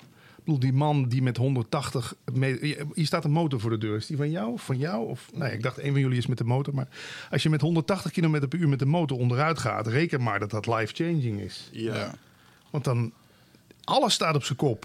Het, en dan zie je ook hoe betrekkelijk alles is. Je ziet hoe, eh, eh, hoe je van dingen uitgaat die helemaal niet zo zelf, vanzelfsprekend zijn. Ik, bedoel, ik kan nu naar buiten lopen en niet uitkijken. En ik, dan was dit mijn laatste gesprek ooit. Ja. Dus ja, ik denk dat de crisis daarvoor eh, eh, bedoeld is. Dat, je weer, dat je de dingen weer gaat herwaarderen en jezelf eens even... dat alles eens even door elkaar geschud wordt. Jezelf, dat je denkt, oh, wacht eens even. Was ik dat aan het doen? Wat de fuck ermee doen? Ja, Oh. precies. Wanneer, wanneer heb jij die laatste, wanneer is jouw laatste ego-crash geweest? Ik heb er, ik heb er wekelijks eh, nog steeds. eh, ja. En is er dan een herhalend patroon wat er bij jou komt? Want vaak zitten we met dezelfde dingen te worstelen. ja, maar ook daarom is dit zo leuk, geïnterviewd worden. Ik merk, ik was- ik was laatst al bij een of andere podcast te gast, het ging dan over de radio. Er werden me een paar hele goede vragen gesteld, ook van me. Ik schrijf dus best wel kritische columns over collega's en zo. Maar uiteindelijk kwamen we er eigenlijk tijdens dat gesprek achter dat het komt omdat ik voor mezelf de lat op radiogebied zo leg, weet je wel, enorm hoog. Kan ik het gewoon niet verteren dat iemand anders gewoon zegt: ja, maar een 8 is ook voldoende. Weet je wel, die die lat hier neerlegt. Dus toen kwamen we er eigenlijk achter dat die hele columns, dat het eigenlijk een soort roep van mij is: van god, waarom wil ik toch altijd alles perfect doen? Weet je wel, ja. En dan, dat vindt mijn ego natuurlijk niet leuk. Want ik, ik ga sta liever te boek als de columnist die overal een mening over heeft. En, en het echt beter weet. En ja, nee, dat vond, dat vond ik niet zo heel leuk. Om daarachter te komen. Ja. Maar ja, het gebeurt toch op. Ik bedoel, nu ook. Het is dan nu lente. Ik weet niet of jullie het. Lente, je voelt het aan je instrumenten. Ik, ik, je, rijdt hier, je rijdt rond, je ziet overal knappe vrouwen. Jullie zitten nog in een leeftijd. dat jullie- Ja, jij zit allebei in een relatie, ik ook. Maar jullie zitten nog in een leeftijd dat je misschien nog wel kans zou maken. Maar dat besef dat je never, nooit, niet meer met zulke knappe vrouwen ooit iets zult krijgen. Nou, dan moet je toch gewoon regels voor jezelf instellen dat het wel kan. Michel, ligt het, ligt het even toe, Michel? Te kort, Ligt, denk ik. Mag ik vragen hoe oud je bent? Ik ben 46 bijna. Oh nee, dat is Ja. nog graag Nee, ligt Nee, het maar- even toe, Michel, Nee, hoe je dat doet? Maar ben nou eens eerlijk, er komt een punt dat het gewoon gênant wordt. Dat, dat, dat, dat iemand van 46 überhaupt denkt dat hij ooit nog bij een meisje van 25... die, die helemaal alles, de looks, die helemaal, dat, dat het ooit nog wat gaat je in het worden. veld van de oude viezerik. Ja, nee, ik vind dat Oh, ook zo. Snap? Ja, op een gegeven moment wordt het leeftijdsverschil te groot. Dat. Ja. Klopt, maar er zijn ook hele prachtige vrouwen die wel gewoon keurig in je actieradius qua leeftijd blijven, wat mij betreft. Zowel naar boven toe als Ja, naar beneden. ja. toe. En op die boot in Saint-Tropez zie ik ook wat van die opa's met jonge chicks. Dus ja, Ja. het kan wel, weet maar je. dat besef drukt bij mij natuurlijk weer op het feit dat ik, kijk, jullie noemen mij dan nog een BN'er, maar dit- mijn bekendheid was natuurlijk tien jaar geleden zo'n beetje op zijn, op zijn, op zijn hoogst. Ja, dan op zo'n moment had zo'n zo'n vrouw natuurlijk wel interesse in je. Dat is, dus dat was ook altijd mijn unique selling point natuurlijk bij vrouwen. Want ja, daar ben ik heel eerlijk in. Had je dat meer willen benutten? Heb je, heb je Nee. daar nu zoiets van shit, had ik meer want, moeten... nee, want dat heb ik, dat er is echt wel gebeurd. En, maar, Ja, I rode that horse. Nee, ja. nee maar, het, maar het gekke is ook... eh, Uiteindelijk is mijn hele radiocarrière, dat heb ik ook eerlijk gezegd... is allemaal door de seksuele selectie... Ik had helemaal niks met radio. Mijn broer was de radiomaker bij ons thuis. Ik was zat op mijn Commodore 64 in machinetaal te programmeren. Lekker hè? Ja, heerlijk. Hartstikke leuk. Ja, en in te bellen bij Bulletin Board Systems. En weet je wel, gewoon dat eh, voorloper van het internet. Maar toen zag ik mijn broer... Er belden meisjes op bij de radio om een plaatje aan te vragen. Ik denk, ja, maar dat is interessant. Want ik durfde nooit een meisje aan te spreken. Dus die hele radiocarrière van mij is echt in eerste instantie gestoeld geweest op seksuele selectie, aandacht van vrouwen en in contact komen met vrouwen. Ik denk dat dat heel eh, eerlijk is. Want ik Leon denk van dat... der Zand had het ook, hè? Die Ja, zei maar dat dat ook. van Joop. Kasteel. Ja, die zei gewoon, eh, die zei gewoon, ik ging gewoon grappen maken. Was gewoon, meiden vonden dat Chicka, tof. Ja. Ja. Joop Kasteel, vechter, liet zijn hoofd in elkaar puinen. Want vrouwen vonden dat eh, interessant. ja. Ja. Dus Maar- wij mannen doen graag dingen Ja. om bij vrouwen onder de aandacht te Dit, komen. hou- dit houden we, dat is gewoon de natuur. Dat hou je niet tegen. Want je ziet toch nu ook in de lente, heb je dat dan niet, hoe je nu, hoe dat, dat hele, je hele systeem verandert daardoor. Wat je, en ineens zie je allemaal weer bloot overal. En, en vrouwen ook, die kleden zich veel sexier. Het is echt het paringsseizoen nu. We doen wel alsof wij niet net zo zijn als die vogeltjes die een nestje bouwen. Ja. Maar zo, Ja, zijn- 100% zo, zijn, hetzelfde. zo zijn wij ook. Ik, nou, ik, denk, ik vind dat af en toe fa- fascinerend. En daar betrap ik me dan wel eens op. Dan loop ik door de supermarkt. En dan loopt er iemand langs me waar ik het gezicht niet van heb gezien. En dan pak ik mijn pot pindakaas en dan ruik ik in één keer een bepaalde parfum. En dan denk ik, oh, lekker. Ja. En dan kijk ik om en dan denk je... En dan heb je het gezicht niet gezien en dan, Ja. dan heb je toch wel een soort van gevoel van... Ja, en dan draait het zich om. Oh nee, nee, nee, toch niet. Weet je? En dan grappig dat die pheromonen gewoon in de lucht hangen. Die bij jou sleuteltjes omdraaien, waardoor, je, Ja. waardoor je opgewonden raakt. Ja, man. Maar kleding en dat soort dingen zijn niet anders. Dat zijn gewoon, er wordt gewoon letterlijk op knop in je hoofd gedrukt. ja, en dan gaat, ping, gaat die hele kerstboom aan. Daar ben je een soort van voor gebouwd. Ja. Sterker nog, als je helemaal teruggaat, en dat is natuurlijk een beetje het stokpaardje van mij, maar als je teruggaat naar de essentie waar je voor bedoeld bent, is overleven en propagatie van de soort. Tuurlijk, voortplanten. ja. He's doing it again. He's doing it again. Maar Paul heeft wel eens verteld dat er dus in China ook... Dan zegt hij, er wordt een winkelcentrum gebouwd door een of andere rijke stinker. Dan maken ze een foto van boven. Is dat gewoon het phallus-symbool? Is gewoon in het phallus-symbool is dat winkelcentrum gebouwd. Zo'n grote piemel. Ja. Ja. Dus het zit, sky, het zit, het zit overal. Help me even. Het vallus. Een vallus is een Vallus. eh, net woord voor penisvorm. Ja, het Oh, oké, symbool. oké, ja, is een piemel. Gewoon in de vorm van een piemel. Ja. En, en hoe kan dat? Ik even zeggen, ja, dat zijn de oversexte mensen. Nou, Ja, we zitten wel heel erg in de cultuur. Daar eten ze toch ook tijgerbotten om, eh, Om- om dat soort dingen. Ja. Dus, eh, of haaivinnen om potentie. Ah, ja, hoor. Ik weet niet meer welke eh, psycholoog dit zei, maar die zei in principe dat de hele beschaving niet meer is als een uiting van de seksuele frustratie van mannen die indruk proberen te maken op vrouwen. vrouwen. ja, dat zou je wel zo kunnen zeggen. Ja. Maar hoe zit dat dan voor jullie? Ik bedoel, zo- zo'n podcast. Ik bedoel, dat is ook statusverhogend. Mhm. Jullie hebben allebei een relatie. De ene wat opener dan de ander. hè? Jazeker. Ja, nee, ik, ik, ik, ik, Nou, kan hier wel openlijk over spreken. Ik eh, word eh, op Tinder, want ik mag gewoon daten binnen mijn eh, twee relaties. Ik ben polyamoreus, ik heb twee vriendinnen, Nicky en Jeanette. Gaat hartstikke goed. Die weten de, van elkaar, die kennen elkaar. Die ruilen mij zo af en toe op dagen om. Ja, hoor, Ja. dan- als dat handiger is in de agenda. En die weten dat ik zo af en toe ook date. En het is mij al een paar keer gebeurd dat dames mij herkenden van de podcast. Ze van, hé, hey, jij bent toch die gast Ja. van... En altijd van Jan Geurts overigens. En dan weet ik, dat is een goed teken. Want als ze naar Jan Geurts hebben geluisterd... dan zijn ze vaak ook iets open-minded in, ja, eh, ja, in die ja, constructie. ja, ja. Dus dat Snappen is ze niet de direct- spirituele relatie? Ja, nou, ik heb een hele sterke polyamorie disclaimer in mijn eh Tinder profiel. Zo van, hij verwacht hier niet te veel van, want ik zit in deze situatie. En eh, als je daar op voorhand al eh, niet van bent, nou, dan moet je gewoon vooral naar rechts of naar links swipen, weet ik veel. Maar en als ze naar Jan hebben geluid, dan is daar in ieder geval meer ruimte voor. Ja. eh, mentaal valt mij op. Nou, ik heb dat, ik heb dat, dat Tinder-periode die heb ik overgeslagen. Want ik, ik heb één keer een dame gedate via de podcast. En dat is nu de moeder van mijn kind. nou, En dat, eh, dat is wel door de podcast Ja. gekomen. En eh, ja, ik heb mijn huidige vriendin ook leren kennen door eh, praten over bewustzijn. Ze luisterde het altijd tijdens het hardlopen. Ja. Podcast samen met Paul. Eerste half jaar gewoon alleen een beetje geappt. En eh, nee, dat vind ik er ook alweer gaaf aan. Nou, in dat opzicht ben ik aan Jeannette gekomen. Gekomen, ah, alsof ik haar zo even van een schap afpakte. Maar die, die op een gegeven moment heeft... eh, We hebben elkaar leren kennen omdat iemand mijn online training 12 waves had gekocht. En die had haar tot wingwoman gebombardeerd. Guillermo, die heeft haar toen... Toen had zij zoiets van, oh, deze gast is echt... leuren. Dus door het gesproken woord wat ik had ingesproken... Ja. is van, hey, deze gast denkt zoals ik, wat een Oh, interessante cool. jongen. En toen kwamen we elkaar ergens tegen. En toen, ja, toen ontstond er langzaam maar zeker iets. Maar dus wel door de digitale dingetjes Ja. die ik had geproduceerd. Dus ergens heeft het wel een effect. Ja, absoluut. ja, je, je hebt, ja je, je hebt toch laten zien aan... Wij allemaal hebben laten zien aan die dames waar je mee bezig bent. Wat je in huis hebt, waardoor ze zich toch aangetrokken voelen. Hebben jullie het boek The Selfish Gene gelezen? Nee. Nee. Dat schijnt hier helemaal over te gaan. Dat wij gewoon, we zijn gewoon een genenpakketje wat gewoon maar één doel heeft. Oeh, dunne glad ijs dit, hè? Ja, waarom? Nou, omdat je nu misschien richting hypergamie gaat.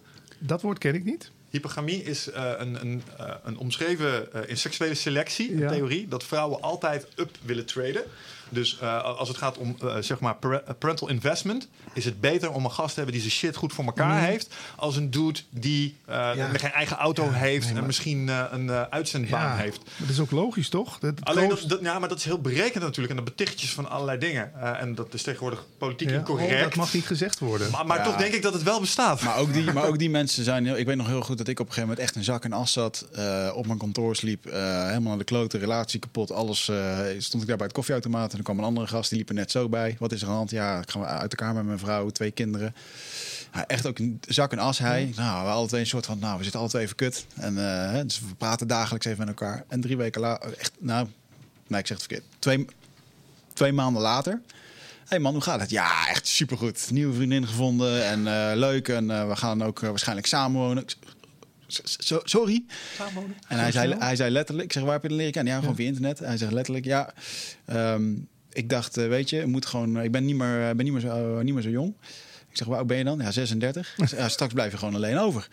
Oh. Dat, dat zei hij letterlijk. En het was, het was een computerprogrammeur. Dus een, eh, Een nerd. ja, een introvert. eh, en echt gewoon needy om, of bang om alleen te zijn. En meteen iets claimen en samenwonen om het maar weer helemaal Ja. vast te bouwen. En fuck man, eh, ja, wat doe je dan denk ik dan? En als jij deze meneer een, een cijfer zou moeten geven op voor in hoeverre jij kunt inschatten of mannen aantrekkelijk zijn of niet, was hij dan een 7 plus?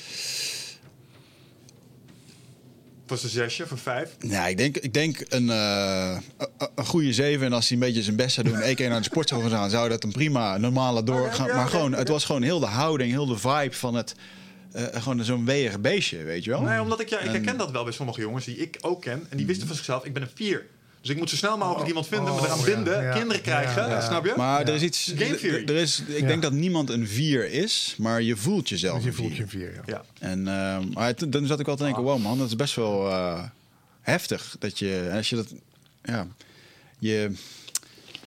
Hey eindbaas en luisteraar, dankjewel dat je zit te luisteren naar deze podcast. Ik onderbreek hem eventjes voor een hele belangrijke boodschap. Of misschien liever gezegd een uitnodiging. Want op 24, 25 en 26 mei, dan is er weer een nieuwe editie van Rite of Passage. Dat is mijn retreat voor persoonlijke ontwikkeling.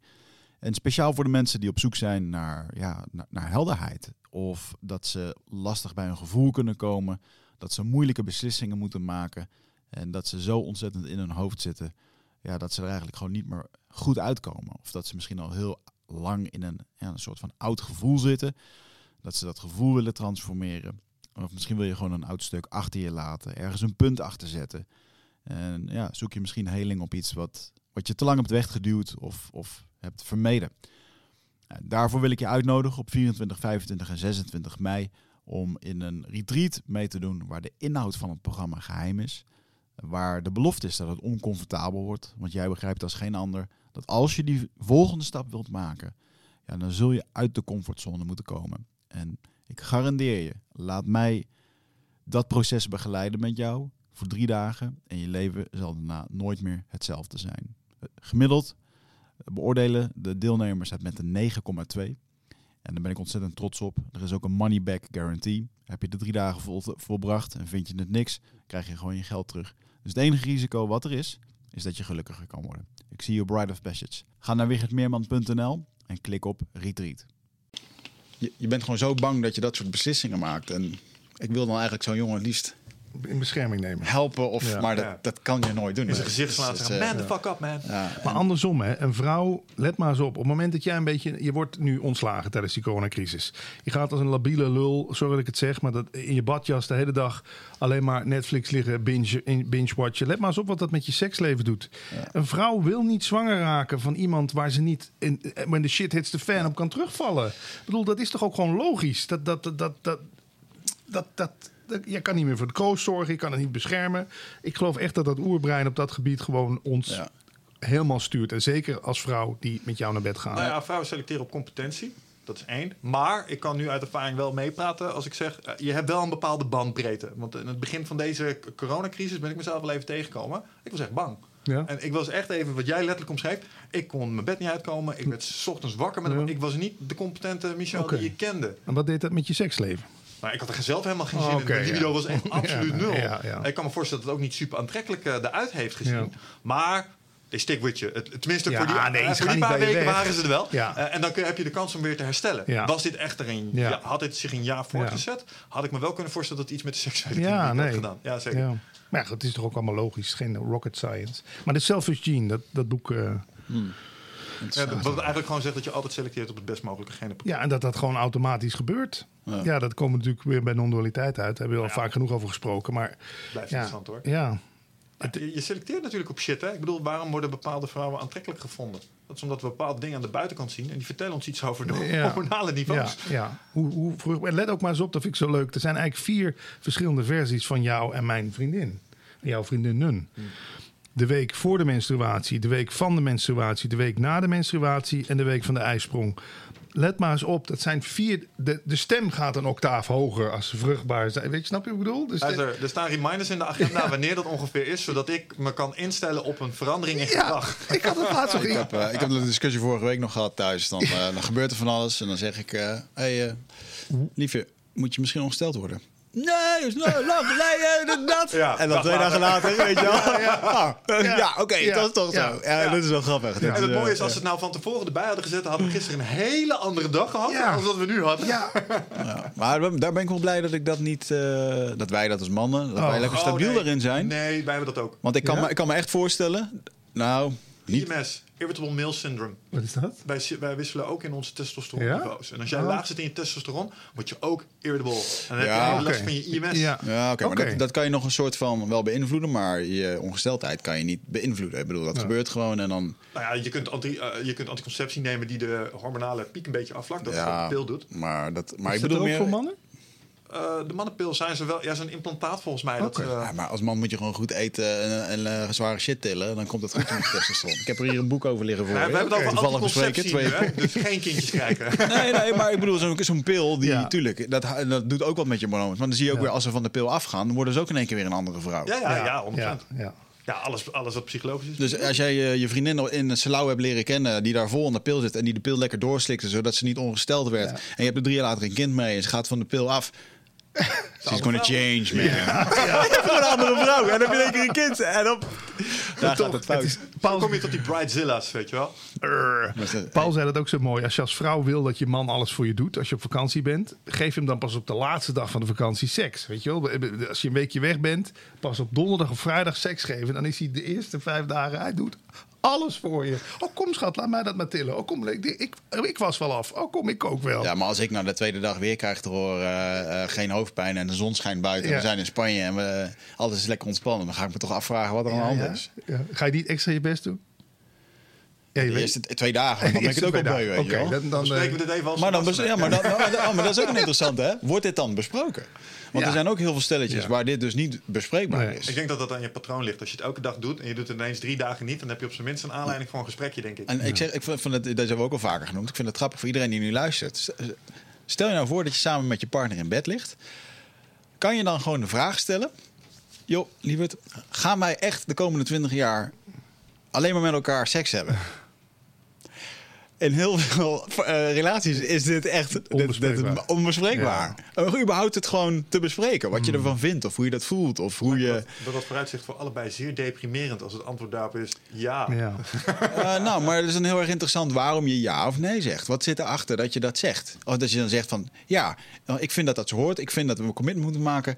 Ehm, ik kies daarvoor. Oké, kan een keus zijn. Ik weet niet of dat je het kan kiezen. Ehm, Ik denk dat het met een aan zekerheid grenzende waarschijnlijk is dat mensen bang zijn dat ze de ander kwijtraken als ze dat ja, natuurlijk. Ja, ja, uiteraard. ja, het is allemaal is het. angst. Maar of kan je er zeggen naar openheid van ja, nou misschien zou het dan wel gebeuren. Geen idee. Ik vind het best wel eng, weet je wel. Dan heb je al een heel ander gesprek. Ja. Ja. Of, of eh, als je dan, dat heb ik ook wel eens te horen gekregen, dat, eh, dat een vrouw dit vroeg. Om eigenlijk te horen dat hij zei: Ja, schatje, voor altijd bij jou. En dat hij dacht: hey, hier is een soort van opening. Dit is de kans. Nou, dit- Dit is en dat een- hij vervolgens dat daar ruzie uitkwam. Oh, fuck. oh, manipulatie, jongen. Dit komt zoveel voor, dit soort gouden hoer. Ja. Ik ben blij dat ik daar niet meer in zit. Baba. Seks. Nou, mooi onderwerp. Komt ook in het boek voor. Ja, wat heb je erover geschreven? Ik denk diezelfde dingen. Dat we gewoon willen, wij mannen willoze inschikkelijke zijn. Die eh, heel erg daardoor gedreven worden. En, en ja, Ja. Dat, dat, er wel een, dat er wel een soort sausje overheen zit van monogamie. Maar dat daaronder toch van alles gaande is wat... Ja, kijk, ik ben wel van... Ik weet dat ik mijn vriendin heel erg zou kwetsen als ik zou vreemd gaan. Dus dat houdt mij ook tegen om überhaupt daar mezelf in die situatie te brengen. Want je weet toch, je kan jezelf in situaties brengen, toch? Dan ga Je je, kan een beetje, kiezen. Nou ja, je gaat eens een beetje appen, Ja. je gooit eens wat visjes uit en je gaat eens een keer ergens... eh, En jij voelt wanneer er ergens een, een, zo'n hmm, oh, hier ontstaat een spanning. Ja, ik, Ja, weet, spanning. ik weet ja. heel goed als ik in het Vondelpark sta met Lea en ik haal daar mijn, eh, mijn koffie. En dan komt een of andere andere moeder langs me en die kijkt naar mij en die maakt even een opmerking over ons. Dan weet ik heel goed of dat ik dan het gesprek aanga Ja. of dat ik denk, ehm, niet doen. ja, daar begint Daar kun, je, het daar kun je voor kiezen, Ja. denk ik. Ja, maar ik denk ook dat als jij bijvoorbeeld een jaar lang eh, depressief thuis zit, het is moeilijk, er zit veel meer spanning. Dat men op een gegeven moment bijvoorbeeld iemand vindt op het werk. Ja, Ja. waar ze even de ei kwijt kan. Ja. En, dan, en dan groeit langzaam Ja. iets in een andere vorm. En, en daar ben ik ook wel bewust van. Dat is ook wel gewoon heel erg menselijk. Ik Ja. heb dat van, van de, aan de lijve eh, ondervonden bij anderen.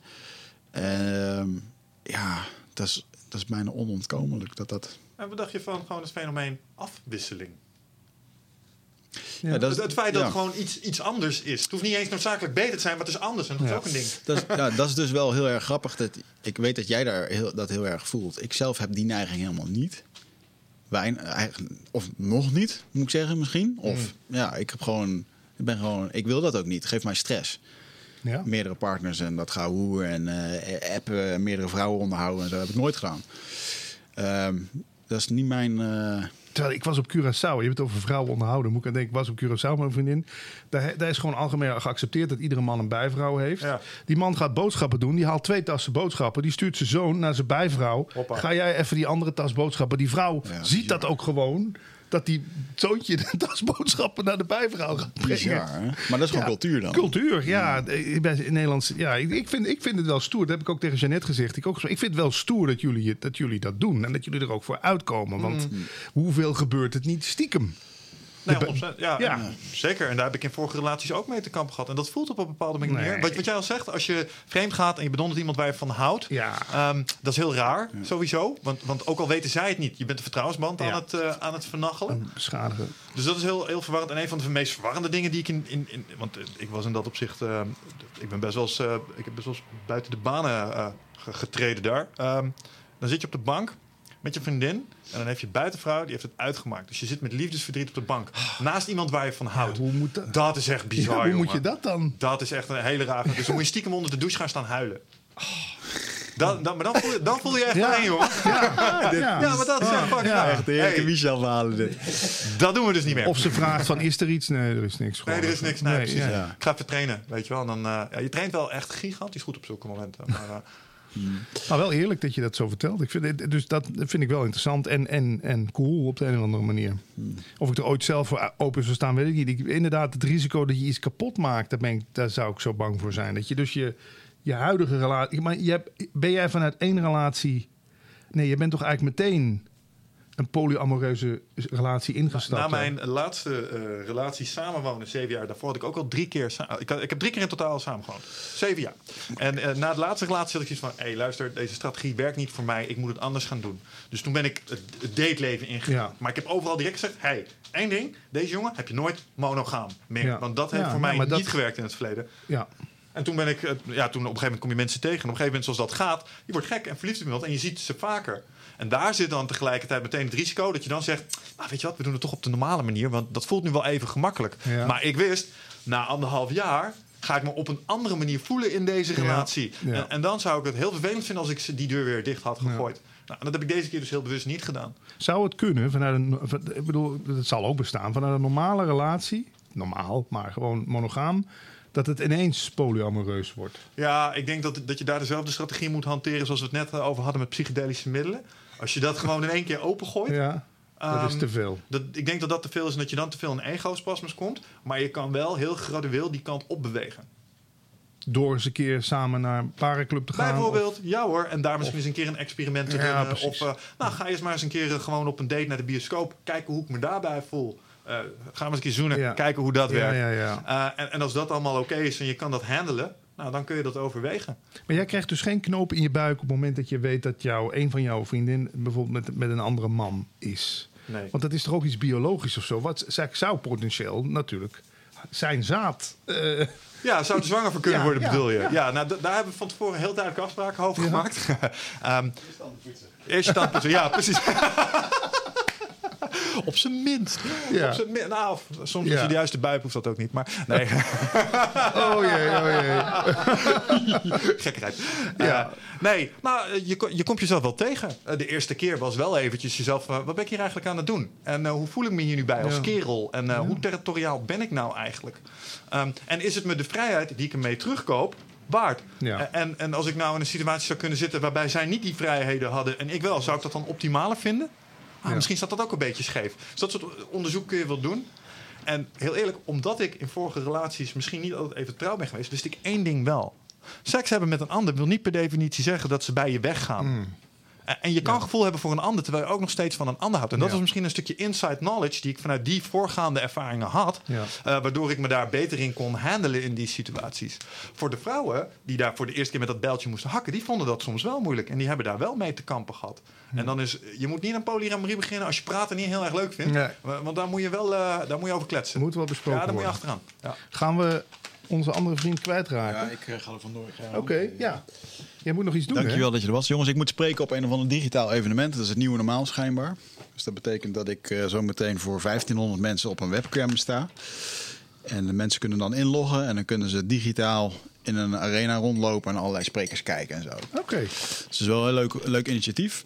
Ehm, maar dat is eh, ja, nu. Dus ik eh, moet toevallig een paar deuren verder moet ik dat gaan doen. Ga je nog aan de shirt aantrekken? Want Ik vind deze wel erg vet, moet ik zeggen. Ik zit de hele tijd naar te kijken. I like it. Psychic. Psychic. Is een UFO of niet? Met een UFO, ja. Ja, te gek.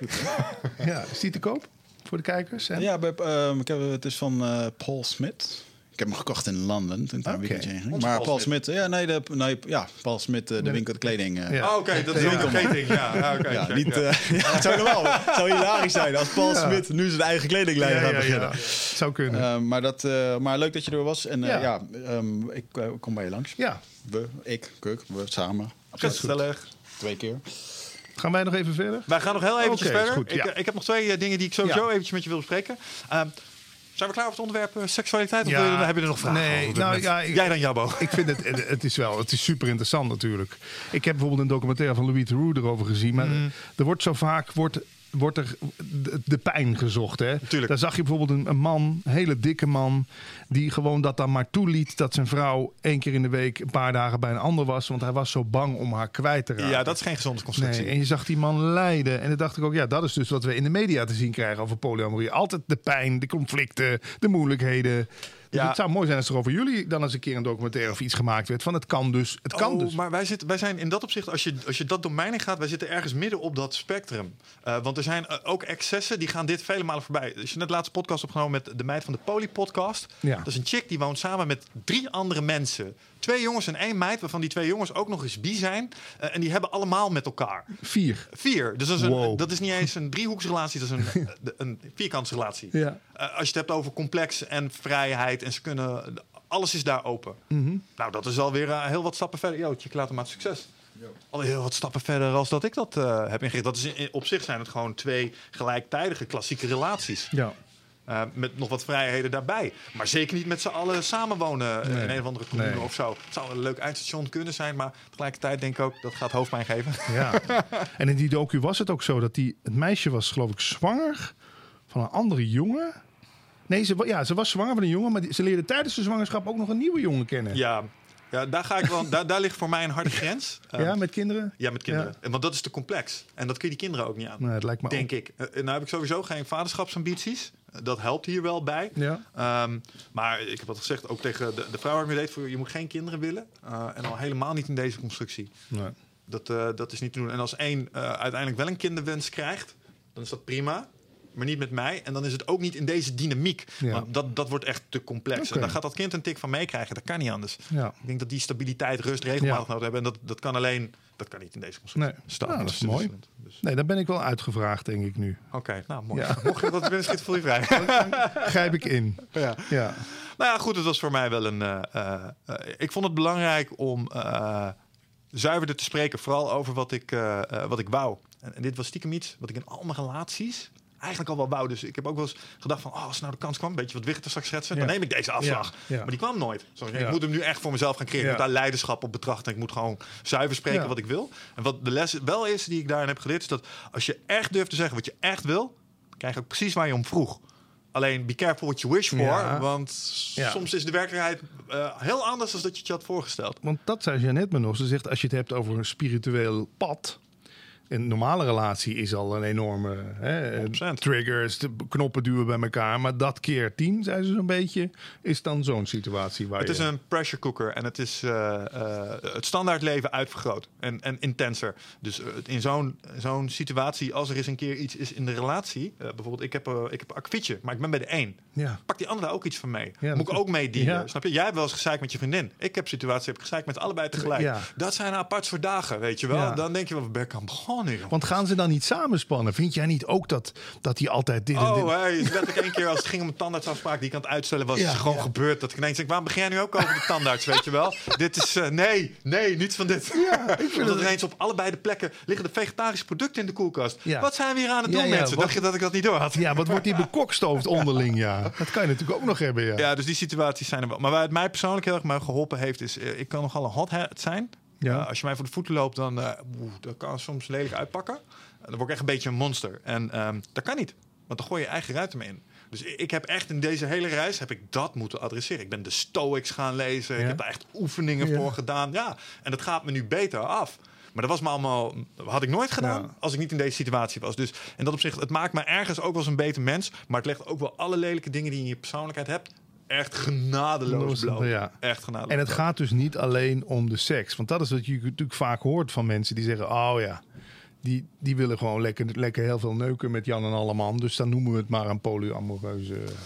Ja, nee. Ja, de, de- zeker is eh, eh, het feit dat ik de vrijheid heb en, en dat ik ondeugd heel erg belangrijk vind in mijn leven, is absoluut een factor geweest. Die vrijheid kunnen voelen, ehm, vind, ik, vind ik fijn. Want ik heb ook situaties gezeten die jij omschrijft. Dan heb je spanning binnen je relatie en dan kun je, er- dan kun je er niks mee. Ja.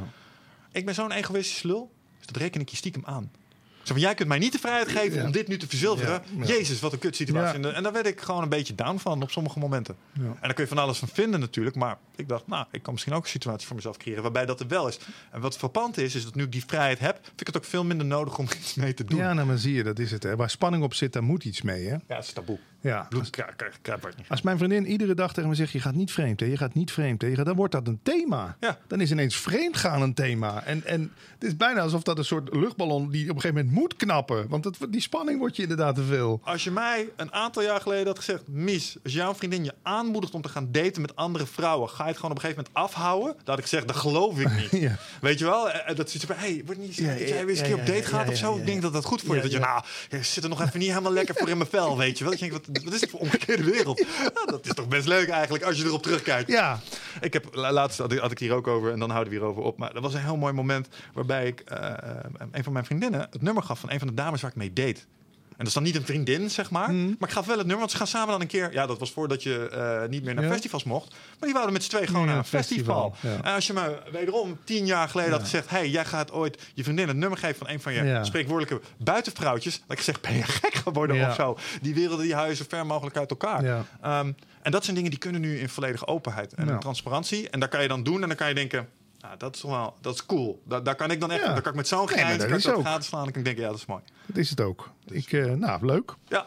Hey, maar genoeg over mij. Even terug weer eh, eh, naar jou en vooral je boek. Ehm, een van de dingen die ik ook zelf heel erg belangrijk vind als het gaat om me goed voelen, is het feit dat ik het idee heb dat ik gas aan het geven ben op de juiste snelweg. Dus een stukje zin geven. Eh, dat onderwerp raak jij ook aan. Ja. Heb jij het gevoel dat je 100% in je eh spreekwoordelijke, of spreekwoordelijk, ik moet ophouden met dat zeggen de tijd, maar in je ikigai eh, zit te werken? Ja, kun je- wat dat woord betekent? Ikigai, dat is eh, een Japans concept waarbij je, ah, ik, dacht, ik dacht, dit kent hij vast wel. Ehm, Zo'n model, vier van die cirkels, Ja. waar je van houdt, wat de wereld nodig heeft, Ja. waar je geld mee kan verdienen en waar je heel hartstochtelijk over bent. Zo. Ja, bij mij is dat een beetje uit balans. Maar dat komt ook omdat ik heb met die radio gewoon schandalig veel geld kunnen verdienen. Daar ben ik Mm. gewoon eerlijk in. Dus geld is voor mij geen motivator meer. Ik doe liever dit dan dat ik nu voor wat Wigert is gaan doen. Dat ik eh, voor een paar honderd euro, ik weet niet wat Wigert daar daar zal er iets mee verdienen. Maar dat Mm. je voor een camera moet gaan staan. En dit, interactie, vind ik leuk. Leren van elkaar. Dus eh, omdat ik die financiële zekerheid heb. Ehm, dus dat valt dan bij mij weg. Bij mij, de DJ's zijn echt zo gruwelijk goed dan? nou, in, in mijn tijd heb ik wel gewoon goed, goed... Ik heb het huis van spaargeld kunnen kopen. Het is geen villa, hè, maar het dat is toch niet? goed huis. Ja, oké, nou, dan heb je dat al weg. Nou, je ziet me nog steeds in die 15 jaar oude BMW rondrijden. Het is ook zo dat ik, ik hoef niet die nieuwe Tesla. Ik, ik weet dat ik heb het allemaal onderzocht. Voor mij zit het hem daar niet in. Dus voor mij zit inderdaad zingeving is leuke gesprekken voeren, leuke mensen ontmoeten, kennis delen. Ehm, inspira- inspiratie opdoen, maar ook proberen door te geven. En nu weer een beetje radio. Nou Ja. ja, Wat- dat is... Wat voor mij een van de belangrijkste pijlers in dat verhaal is van die Ikigai, is het stukje dat wat de wereld nodig heeft. Als ik kijk naar voorgaande carrières, bijvoorbeeld in de IT, is hartstikke leuk zo, maar was ik nou echt de, eh, de, de fundamenten van de wereld aan het veranderen? Nee, niet dat ik dat hier nu doe, maar we krijgen hier wel feedback dat iets meer die kant op gaat. We krijgen Ja. wel eens mailtjes dat van mensen, hey, dit heeft echt mijn leven veranderd. Ja, hoe cool. En, ik ben nu, en, en daar zit voor mij een stuk genoegdoening in.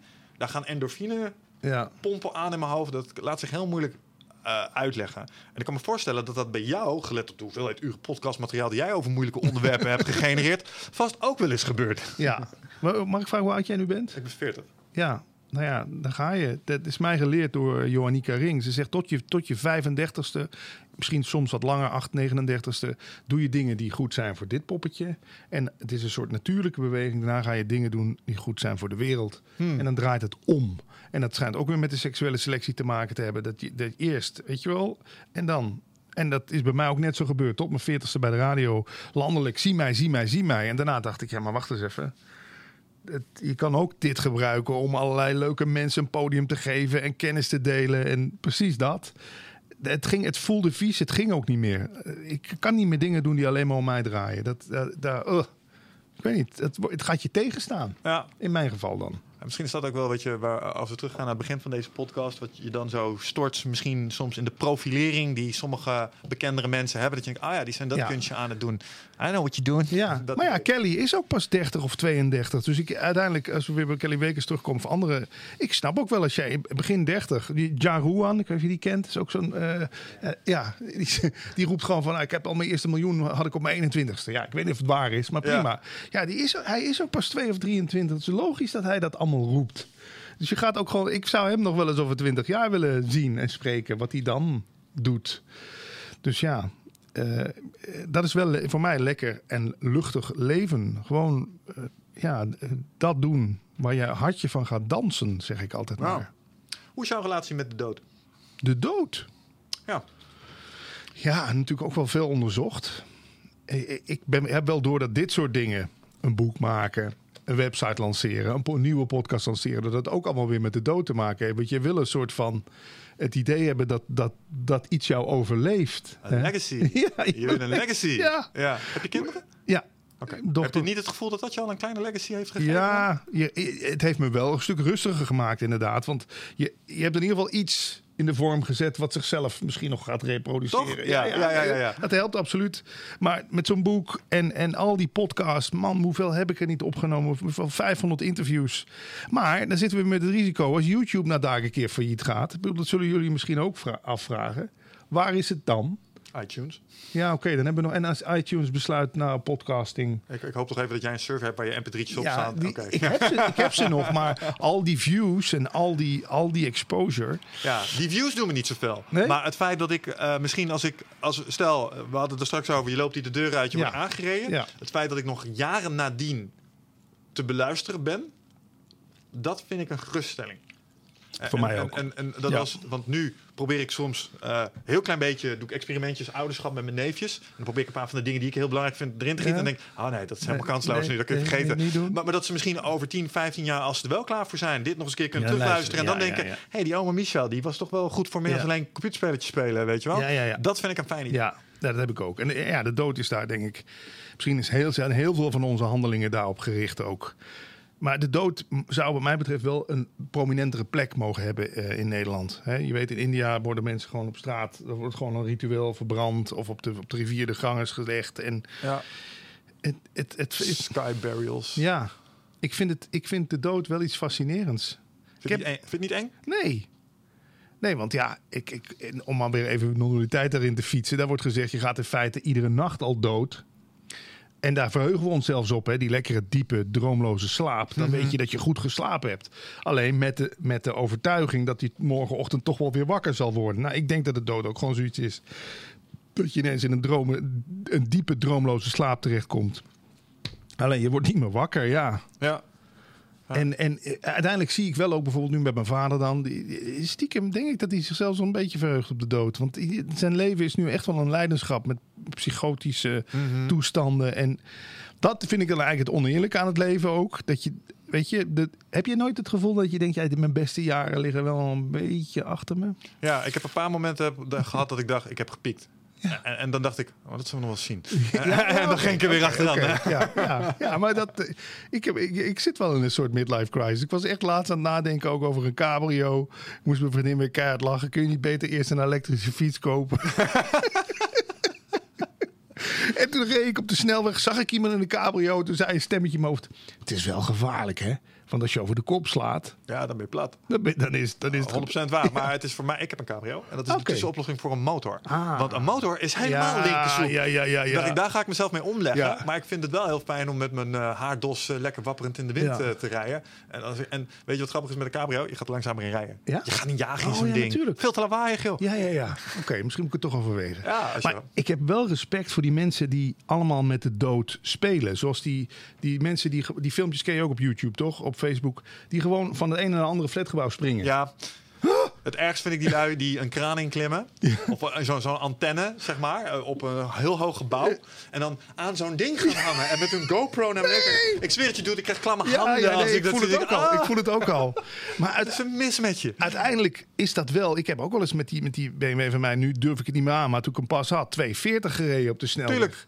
Ja, nee, tuurlijk. Maar je- ook dan speel je met de dood eigenlijk, hè? Ja, maar dat is ook weer een hormonale handicap. Want laten we wel wezen, er was een moment waarop jij een x-bedrag aan moest betalen. En dat werd alleen maar minder naarmate je ouder werd ja, als ja, kerel. Ja, ja, ja, ja. Dat, is, dat is natuurlijk niet voor niks. Maar ik heb inderdaad ook gekkigheid. Ja, jij ook.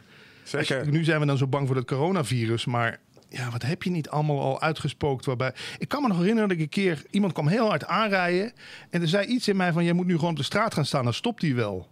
Nou, het is maar goed dat ik het niet gedaan heb, want die had, had mij helemaal naar gort gereden. Maar dat soort ideeën kun je hebben. Als Ja. ik nu één stapje naar voren had gedaan, dan was ik gewoon helemaal dood geweest. Ja, nou, het, ja, iedereen heeft dwanggedachten. Ik heb ook wel eens gedacht, toen ik op, eh, wat was dat, een of ander Canarische eiland, dan ga je met zo'n auto ga je door die berg. Dat je kan zeggen, links, oh, jongen, dat wordt een hele interessante weg naar beneden. Daar speelt iedereen wel eens mee. Maar daadwerkelijk doen is iets anders. Nee, dat is maar ik heb wel eens echt domme dingen gedaan, roekeloze dingen in het verkeer vooral. Rechts inhalen. Ja, de rechts inhalen of eh, wedstrijdjes gaan rijden met gasten. Maar dan toch ook stiekem wel een beetje pissig worden op elkaar. En op het moment dat hij dit deed wees naar de parkeerplaats, dat je dacht, mm, Ja. oké, het zullen Ja, ja. Dat je achteraf, als ik dat nu zou zien, dan zeg ik, oh jongen, Ja. dude, wat ben je aan het doen? De dood, ja, het is iets fascinerends. Eh, alsof je er gewoon toch, mm, blijkbaar, ja, want het zijn al die filosofische uitspraken. Hè. Je, zo, je bent niet bang voor de dood, je bent bang om te leven. Dus op het moment dat je bang bent voor de dood, dan leef, leef je eigenlijk gewoon niet. Ja. Ja, ik, ik, hoop, ik hoop dat het. Kijk, ik zou het vooral erg vinden als ik mijn ouders zou overleven. Dan, dat lijkt me het ergste wat er is, toch? Dat je kind, dat je kind doodgaat. Of zo, ja. ja. Dus dat als mijn ouders, ik denk als mijn ouders er allebei niet meer zijn. Ik heb, nou, ik heb nooit met zelfmoordgedachten gespeeld, maar ik denk wel als dat ooit dat je denkt van, nou, ik vind er echt geen reet meer aan. Als je ouders overlijden. ja, nou, Oh, zo. dat je dan daarna denkt dat het makkelijker is om ook te zeggen, nou, ik, ik check ook uit. Eh, Ik denk dat dat heel belangrijk is. eh, eh, ik denk dat het antwoord daarop nee is, man. Eh, Mijn moeder is overleden. Ja, Eh, het heeft mij alleen maar meer lust voor het leven Ja. gegeven. Omdat het je laat zien van, oeh, het is wel, daar wordt echt heel duidelijk als een familie het overlijdt. Oh shit, het is eindig. Ja. En daar leer je, oh, dan gaat het nou gewoon echt niet meer door. Ain't no save game, man. Ze komt niet terug. Volgende aflevering is ze niet weer. Wauw, maak er maar het meeste van. En eh, ik denk dat als mijn vader overlijdt, natuurlijk zal ik daar heel veel verdriet om hebben. En ik hoop dat het nog heel veel jaartjes in de toekomst ligt. Maar ik denk niet dat ik daarna spontaan suicidaal zou worden. Nee, maar als je, als je alles met die gedachten zou spelen, tenminste dat heb ik, zou ik dat never, never, ever do- doen voordat je ouders overleden zijn. Ik vind dat zo'n fuck you naar je oh, ouders toe. zo. Ja, Zo bedoel ik nee. Nou, ik, ik, snap- ja, Snap ik bedoel? Ja, ik snap wat je bedoelt. En ik wil niemand tekort doen die suicidale gedachten heeft. Maar mijn configuratie is niet zo dat ik dat snap. Ja. Omdat, omdat eh, alles in mij wil zo lang mogelijk hier rondlopen. Oké. Nee. ik, vind- ik vind, ik vind de, Ja. de dood ook op zich dood zijn vind ik niet zo heel erg eng idee. Want dat is, eh, ik was hier voor ook al miljoenen jaren was ik Ja, er niet. precies. Ehm, eh, eh, maar het moment dat je weet, oh, oh dit is zover. Zeg maar, dat, datzelfde gevoel als dat je de achtbaan opgaat en op een gegeven moment ga je de bocht over. Net die laatste tik voordat je de bocht over. Dat lijkt mij een heel spannend, moeilijk moment. Ja. Ehm, of een heel vredig en heel mooi moment. Maar als ik daar nu aan denk, dan, dan voel ik daar spanning bij. Zo van, hoe ga ik mij gedragen? Hoe zal het zijn? Wat is hierna? Ja, weet ja. je wel? Eh, en en eh, heb ik het goed gedaan? Eh, want ik weet een boel over allerlei verschillende geloven. Ik denk dat ik het redelijk goed doe. Maar komt er misschien nog iets van? Ja. Een, even van, hé hey jongens, dit is hoe het gegaan is. Ja. Stiekem hoop ik wel eens dat er een soort scorebord is aan het eind van je leven. dat zou mooi dat zijn. je kan zien van, oké, dit is wat je, zoveel stappen gezet. Zoveel kilometer toiletpapier gebruikt. Zoveel appjes gestuurd, weet ik veel. Gewoon de stats, je scorescherm. ja, dat zou ik ook wel gaaf vinden, ja. Even de afrekening. Zoveel mensen gekrenkt. Ja. Dus dat stukje vind ik wel heel erg eng. Maar als je het hebt over een leven zonder stress, is, is, is dood dus geen factor in die vergelijking voor je. Want het, het helpt mij om dingen te doen. Omdat ik denk, ik wil niet aan het eind spijt hebben van de Ja. shit die je niet gedaan hebt. Nee, nee, ik heb, ja, op, op de is dood. Maar dat kan wel een thema worden, inderdaad. Op het moment dat, wat jij zegt, is een van je ouders overlijdt, dat is nogal wat. Ik heb het geluk gehad dat, ja, volgens mij, ja, op, op wat vrienden na, is er in mijn omgeving nog niemand echt eh, van de een op de andere moment eh, overleden. Nee. Dus dat, ik, ja, ik ben eens benieuwd wat dat doet. Ik ook. Eh, ik moet ik altijd denken aan Jordan Peterson. Eh, een van de redenen dat ik. eh, eh, kijk, toen mijn moeder overleed, eh, had ik een bepaalde verstandshouding met haar. En ik had een eh, behoorlijke schil opgebouwd. En zelfs op de uitvaart kon ik mezelf behoorlijk staande houden. Maar dat was niet heel erg moeilijk. Eh, eigenlijk, want die schilden waren zo dik en hoog en, Ja. gekweekt. En ik heb natuurlijk om gerouwd en verdriet erom gehad. En dat is allemaal, allemaal goed. Maar met mijn vader heb ik een hele andere relatie als een soort van held van mij. Mm. Dus eh, ik vind het ook moeilijk, best wel moeilijk om soms te zien dat hij ouder wordt. Denk van, oh wauw, zelfs, weet je wel, dit soort, uh, politieagent, ik ken hem als de gast die thuis komt met, met Ja. met. Ja, ja, ja, ja. weer stoere verhalen. En dat kan hij nou niet meer. En dat gaat mij ook gebeuren. En dat vind ik er misschien wel ja, nee, dat absoluut. Maar wat, ik, wat mij heel moeilijk lijkt aan de dood van mijn vader is... Ik heb ooit een keer gehoord dat de norm van een goed man zijn... is de meest betrouwbare figuur zijn op je vaders uitvaart. En die lat voor jezelf leggen, Ja. daar, dat vind ik heel spannend. Dat ik, dat ik dat kan zijn. Want ik heb mijn vader dat zelf wel zien doen. Hmm. Mijn vader was op de dood van zijn moeder en de dood van zijn vader. Hij heeft mijn vader, hij heeft zijn- mijn opa zelfs geholpen met het plegen van euthanasie. Oké. Omdat wij komen uit het oosten en uh, huisartsen doen daar niet noodzakelijk zelf aan mee. Die geven je wel een flesje. En mijn vader was degene die ernaast zat. Ja. Terwijl mijn ooms in een andere kamer zaten, want die vonden dat heel moeilijk. Ehm, dus mijn vader was echt de meest betrouwbare vent in het vertrek op het moment dat, dat zijn eigen vader overleed. En op de uitvaart idem dito. Hij was er voor zijn broers, hij was er voor mijn zusje, Ja. hij was er voor mij. Dat ik dacht van, wauw, hoe doe je dat? En ik hoop dat ik dat ook zo zou kunnen zijn daar. En dat vind ik misschien nog wel het allerspannendste idee aan zijn overlijden. Want dat is het moment waarop ik kan laten zien of ik echt uit hetzelfde hout gesneden ben. Ah. Snap je? Een soort Ah. eindexamen bij. Nou, wel mooi dat je daar toch al op, dat je daarmee bezig bent. Ja. Maar nogals, ik hoop dat dit nog veel Ja, nee, dat gaat nog even dat opstellen. Dus Ja. als je dit hoort, pa, eh, kan nog even. Ja. Volhouden. Ja, wat mij betreft wel. Oké man, Ehm, We zijn er zo'n beetje. ja, ik wil nog één ding. Die ja, mogen we niet eh, vergeten te vinken. TikTok. Oh, TikTok. What's up man? Toen hij hier binnenkwam had hij een heel enthousiast verhaal over waarom TikTok helemaal de shit was. Dus het is misschien een klein beetje een eh, contrastje met het onderwerp waar we het net Ja, over hadden. het bruggetje is lastig, maar Maar misschien wel een mooie manier om nog eventjes weer... eh, ja, ik vind, dat zo, ik vind dat zo geniaal dat er eindelijk weer eens iets is wat gewoon huge aan het worden is. Ja. Bedoel, het was een half jaar geleden al huge, maar nu, ja, het komt eigenlijk via mijn dochter. Ik bedoel, al die kids zitten gewoon allemaal op TikTok. Ja. En ik dacht, ja, maar inderdaad, ik had dezelfde reactie als jou, weer iets erbij. Weet je, ik zit al op, op zes verschillende social Instagram, LinkedIn, Twitter. Ja, ga zo. ah. ja. Maar ja, toen ging ik het kijken. Nu snap ik waarom. Het is, het is kort. Het zijn filmpjes van 10, 15 seconden. Ehm, je steekt elkaar aan met een, bijvoorbeeld een challenge van... eh, we doen op dit liedje doen we een bepaald dansje. Nou, Ja, ja. Gaat de rest gaat dat ook allemaal doen. En ik zette er zelf eens wat op gisteravond. En eh, gewoon een grappig filmpje van een 15 seconden met een grap of zo. En hup, binnen, binnen no time 300 keer bekeken. Ik denk, wat? Dat is me op YouTube al heel lang niet meer gebeurd. Ja, maar dat was dan- hem voor jou. De aantal views die je kreeg. Want dat vindt de aandachtsvoer in jou heel de aandachtshoer in mij vindt het prachtig. Maar ik vind het zo leuk dat iemand, want dat bedrijf is inmiddels al weet ik het eh, hoeveel eh, miljoen waard.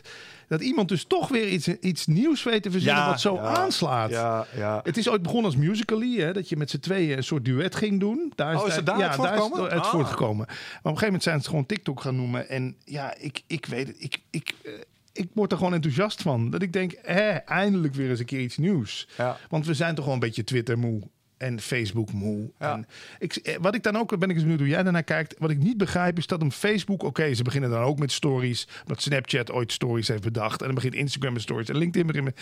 Maar waarom gaan die, die, zelfs Facebook, waarom ziet dat er nog altijd zo knullig uit? Dat is toch allemaal.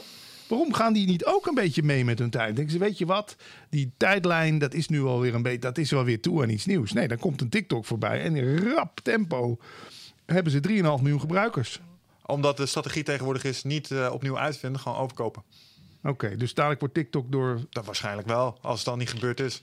Ja. Ja, ik denk dat dat de snelste manier is tegenwoordig. Ik kan wel research development eh, erop zetten. Maar wat is er nou beter als een groep gasten die tegen de powers that be als underdogs opknokken? Ja, dat, dat is een. Rocky-verhaal, dat vindt iedereen mooi. En dan heeft het de userbase die je zoekt. Want nou, wel eens voor die 100 gebruikers, eh, dat doet Facebook het niet Nee. voor. Dus laat het eerst zich maar eens bewijzen. Dat doen we dan met een enthousiaste club. Die kopen we over. Ja. Dan werken we het originele bestuur eruit via een of andere raad van bestuur. En dan hebben wij ook Ja. TikTok.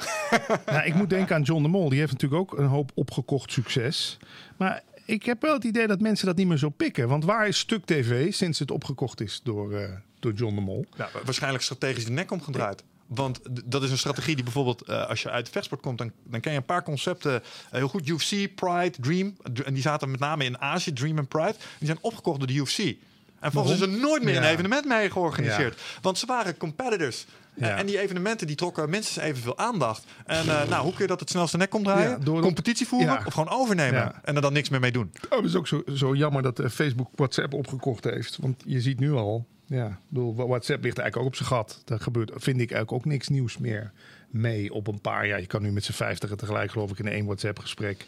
Ja, maar infra, in dat opzicht heeft WhatsApp nu infrastructuurstatus. Dat staat gelijk aan e-mail en telefoon. Mm, dat is ja, gewoon precies. een informatiekanaal. Ja, dus daar, wil ik ook eigenlijk helemaal geen innovatie meer Geen, op zien. nee? nou ja, ik, ik, ik hou wel van dat er eindelijk weer eens het nieuws gebeurt. Dat heb ik dus met dat TikTok. Dus ik eh, kan ook best zijn dat na een week weer dat ik weer. Maar het is het enige wat. Ik, bedoel, ik had nooit iets dat ik op de telefoon lang op iets bleef hangen. Maar je blijft ook naar, naar bo- boven swipen. Want je krijgt steeds die nieuwe kick. Je krijgt steeds weer een nieuwe lach. Weer een nieuw filmpje. Weer iets nieuws. Weer iets nieuws. Weet je wat misschien wel leuk is voor jou? Nou? Reddit. Ken je dat? Ja, daar heb ik ook wel eens mensen over gehoord. Ja. Reddit.com. Ja? De front page of the internet. Wat het eigenlijk is, is gewoon eh gecrowdsourced. eh, je, je kunt er dingen posten, zoals TikToks. Komt Ja. daar eh, over allerlei verschillende Ja. subcategorieën heen verdeeld. Dat noemen ze dan een Reddit. Het is eigenlijk een forum, zoals vroeger. Ja. Kunnen mensen op reageren. En dan heb je de voorpagina. En daar komt dus eigenlijk een aggregaat van alles wat het meest geliked is. Dus je hebt daar altijd een hele grote variëteit. Ik, ik ken wel de behoefte om ergens doorheen te scrollen en telkens iets nieuws te vinden. Maar Reddit heeft gewoon een heel divers palet van TikTok cringe. Dus filmpjes die eigenlijk gewoon dat je de Ja. cringe. Eh, de, eh, gewoon leuke TikTok filmpjes. Maar ook iets dat noemen ze dan eye bleach. En dat zijn altijd eh, foto's of filmpjes van puppies, jonge Ah. katjes. En echt dat soort typische internetdingen. Tot eh, de laatste conspiracies over COVID. Maar eh, wat ik eraan herken, wat je net zei, is dat eh, telkens is het even die nieuwe. Oh, dat is interessant. Ja. Wat is dat dan? En, en dat Ja. is omdat het is voorgeselecteerd door miljoenen gebruikers. Ja. Is het altijd speel wat goed ja, is. ja het is, het, je krijgt de, de dingen die het best gelijk zijn. En TikTok, ik, heb, ik volg iemand die de algoritmes van TikTok een beetje uitlegt. Je komt hoger bij TikTok als je filmpje twee keer of meer keer bekeken wordt. Ze zijn natuurlijk maar kort. En de leukste dingen kijk je ook. Ja, ja. Dat is ook zo slim. Je opent de app, bam, meteen een filmpje. Je hoeft nergens te kijken, bam, meteen een lach. En het filmpje herhaalt zich. Dus je, kan, je hoeft niet eens erop te tik, nog een keer, nog een keer. Oké, hup, naar boven, weer de volgende lach. Het is, zo, het is ook gewoon heel slim gebruikersvriendelijk gemaakt. En wat zet je er nu op voor jezelf? Eh, grappen Grappen.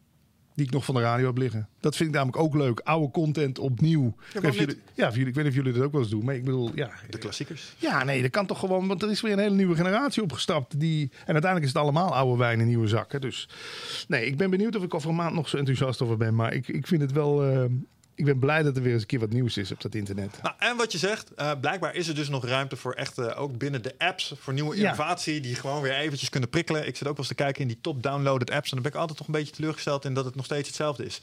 Ja. Als een paar Ja, maanden ja, geleden of als de keer Ja. ervoor. En toen we net de iPhones hadden, was het telkens iets nieuws en dat was dan even kicken. Dat is er nu inmiddels wel een klein beetje vanaf. Maar ik denk dat daar weer een slag in gaat worden gemaakt als de nieuwe lichting technologie. Waar ik heel erg op zit te wachten is eh, HoloLens. Weet je Wat wat is dat kent? Gewoon een lens met, Oh, een, ja, met een ja, AR ja, eroverheen. En dan krijg je weer allerlei nifty features die eh, eigenlijk net een beetje gefaald zijn op je telefoon. Dat je van die AR-lagen kun je kijken naar fundahuizen in je buurt. Dat werkt allemaal net niet. Ja. Ehm, maar dan, eh, wordt het, eh, dan krijg je weer een hele nieuwe eh, genera- Ja. generatie met apps, met innovatie. Gewoon omdat je, ja, je randapparatuur is weer veranderd. Eén ding nog over TikTok, wat ze daar heel goed begrepen hebben. Mensen reageren op mensen, niet op merken. En je ziet, dat is ook een slogan, real people, real stories of zo. Weet je, je ziet gewoon, ook al gaat het mis bij iemand, ook je, die aandoenlijkheid ervan. Dat iemand de moeite neemt om, om met zijn dochter samen een filmpje te maken of zo. Weet je, daar ga je op aan. En misschien dat we dat de tegenreacties op Instagram, waarop natuurlijk alles maar Ja, man.